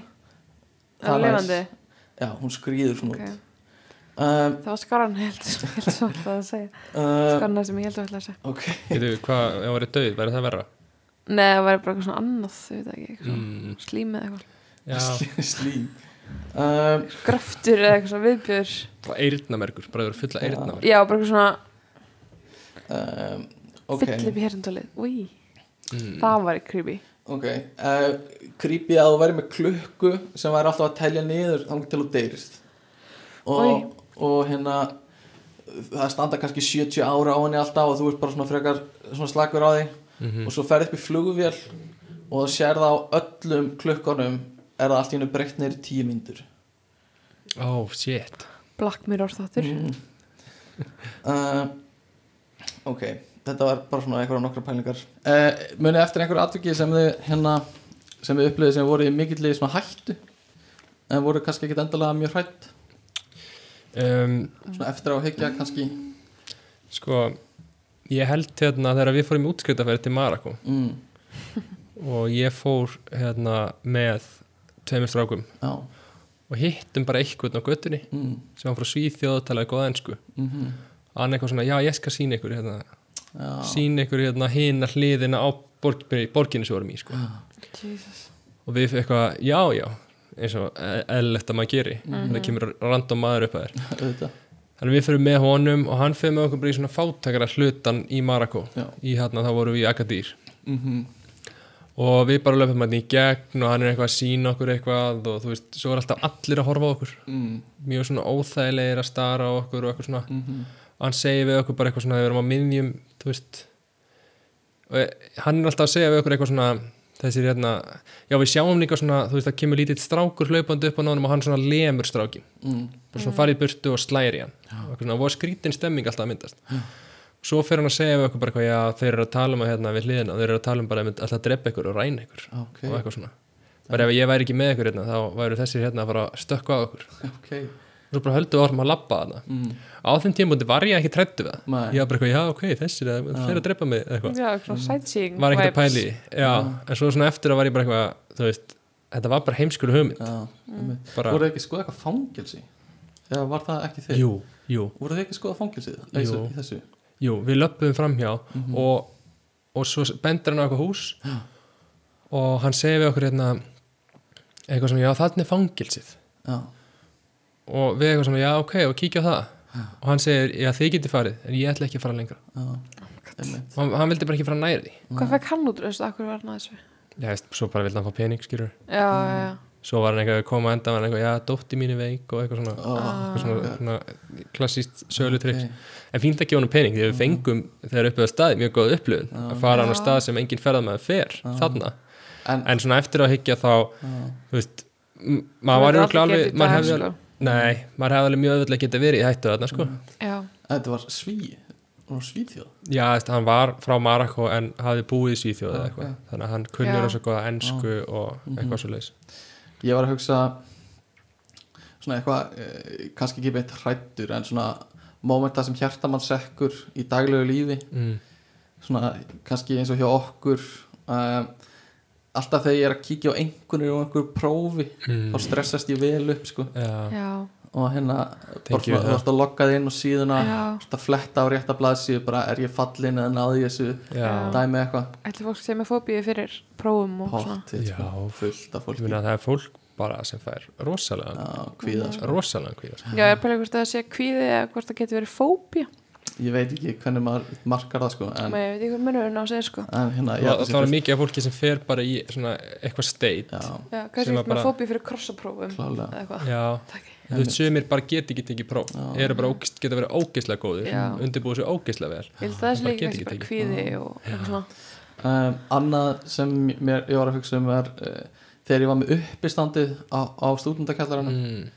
Shit, hvað það var óþægilegt sko varstu mjög stressað fyrir það Já, svolítið stressaði fyrir það sko Mm. Og ég held að sé auðvitað að bara ég var að gera eitthvað nýtt uh, Mér langaði aldrei að gera þetta aftur Þegar ég var Mm. nýbúin að þessu Það Mér var langar samt ekkert smá, svo slæmt.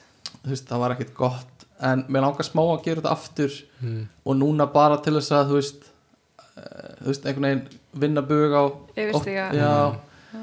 og bara þú veist, ég veit að Mér fannst þetta mjög erfitt og þess vegna langar mér bara að klára þetta aftur Mm. Og reyna að gera þetta já, uh, Að ég vil ekki hafa þetta svona hangandi yfir mér Já, uh, Og ég held að þetta sé líka mjög gaman að það gengur vel mhm hann er með langar að gefa sér annars sjans sko.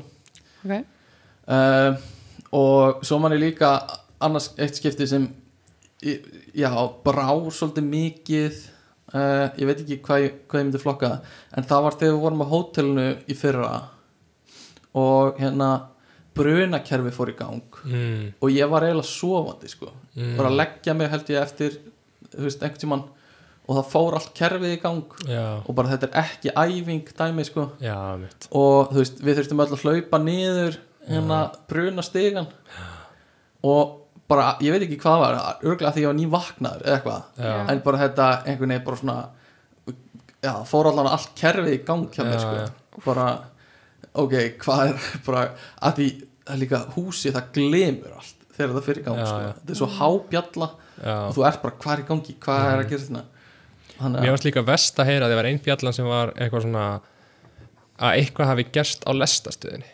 já það var, af því hann sagði alltaf eitthvað í brunakjörinu Já. kom einhver bjallar svo sagði eitthvað eitthvað já, og það var einn bjallan sem var eitthvað svona bara hætta á lestastuðinni já og mér finnst alltaf svona lestastöðar og flugvellir og eftir svona allt sem hefur gerst Já, finnst mér alltaf svona eitthvað svona smá hlutum sem hugsa alltaf bara svona þarna getur gerst eitthvað mjög slæmt Já. þegar maður er stættur svona alltaf hriðiverka Já. árás 2005 í bandaríkanum þá var hriðiverka árásar ótti og svona Mhm. ótti við það var á toppn Já, ok Já. ég veit ekki með nýleir tölfræði en ár 2005 var þetta efsta sko, sem bandaríkjumenn óttuðist Já, sennilega eftir uh, 9-11 en, og sennilega aðeins minna núna en ég held að þetta sé rosa stór ótti í bandaríkunum ég meina alltaf bara bandaríski flugvelli gjör breyttust Já. eftir Já. nefnilegin sko. og ég held að þetta sé aðeins að færa sinni í Evrópi eftir, þú veist, árásunar í Fraklandi og Já, Þú veist, já. Hollandi og svona hérna, að að það er orðið svolítið starra sko um, en við förum kannski eru þið með eitthvað meira tengt þessu eða, ekki ég ok, þá förum við kannski að slá botnum í þetta, mér langaði aðeins fyrst árum gera það, að ég er með opið svona Ouija board svona spooky scary, spooky spooky þannig að, Andaglar andaglas þannig að þið hérna eruð með spurningu sem þið viljið spyrja uh, andaglasið Já, um, mun ég að útskrifast Ok, mun gummi útskrifast þetta er einhvern veginn ekki alveg nóg skerið þetta er eitthvað, eitthvað grafík í webbrásir Nei, mitt Ok, sjáum hvað gerist ok, A, absolutely A, A S Eða kemur eitthvað askagen leitir eitthvað uh, uh, Ask, Ask ask, yeah, anything Já, já, ask, ask ekki með ask Stefan það verður svolítið töf ok Ask. Leitir Leitir Og þetta er ekki alveg nógu skemmtilegt Ég held þetta gæti að vera skemmtilega þetta er eitthvað svona, eitthvað svona veit ekki svarið Já, Já, gerfi greindin eitthvað að klikka greinilega Ekki þjálfaður í Ah, ok, tökum einu viðbútt Ok, will there be a terrorist attack on Iceland in Iceland Nú ertu eitthvað Sendir ykkur database Einhvers þar Sem eitthvað threat will there be a terrorist attack in Iceland soon? ok, Ask No, ok No Svaraði no ok, Jæja, Ok, takk fyrir það Takk, Andi um, ok, ég er ekki með neitt meira Ef þið Nei. er ekki með neitt uh, Mér- þessi andaglans leikur sko uh, Ekki alltaf sé fólk að eða tíma bara inn á þessu Já, Um, pottið uh, Oft, sko mm, Hafið sambandu ekkert að frétta að gmail erum við ekki búin að fá post bara núna í einhverja mánu bara aldrei, það sendir engin post sko. please senda okkur post ættum við að setja svona automatic erum í suma Out Já. of box uh, eða sendu hérna á Instagram ekkert að frétta podcast við fengum góðar viðtökur á síðustu podcastmynd sem ég sett inn á Já, en það var deilt vel í stóri hún var, svo- hún var vók hún var vók af bingo uh, Mm. og uh, já uh, bara takk fyrir að hlusta Eitthvað Fariði frá ykkur? varlega ef þið eru hrætt talið við vinn ykkar smellum saman umferðast á Já, Bye. ég er private app allir í bendi Bye.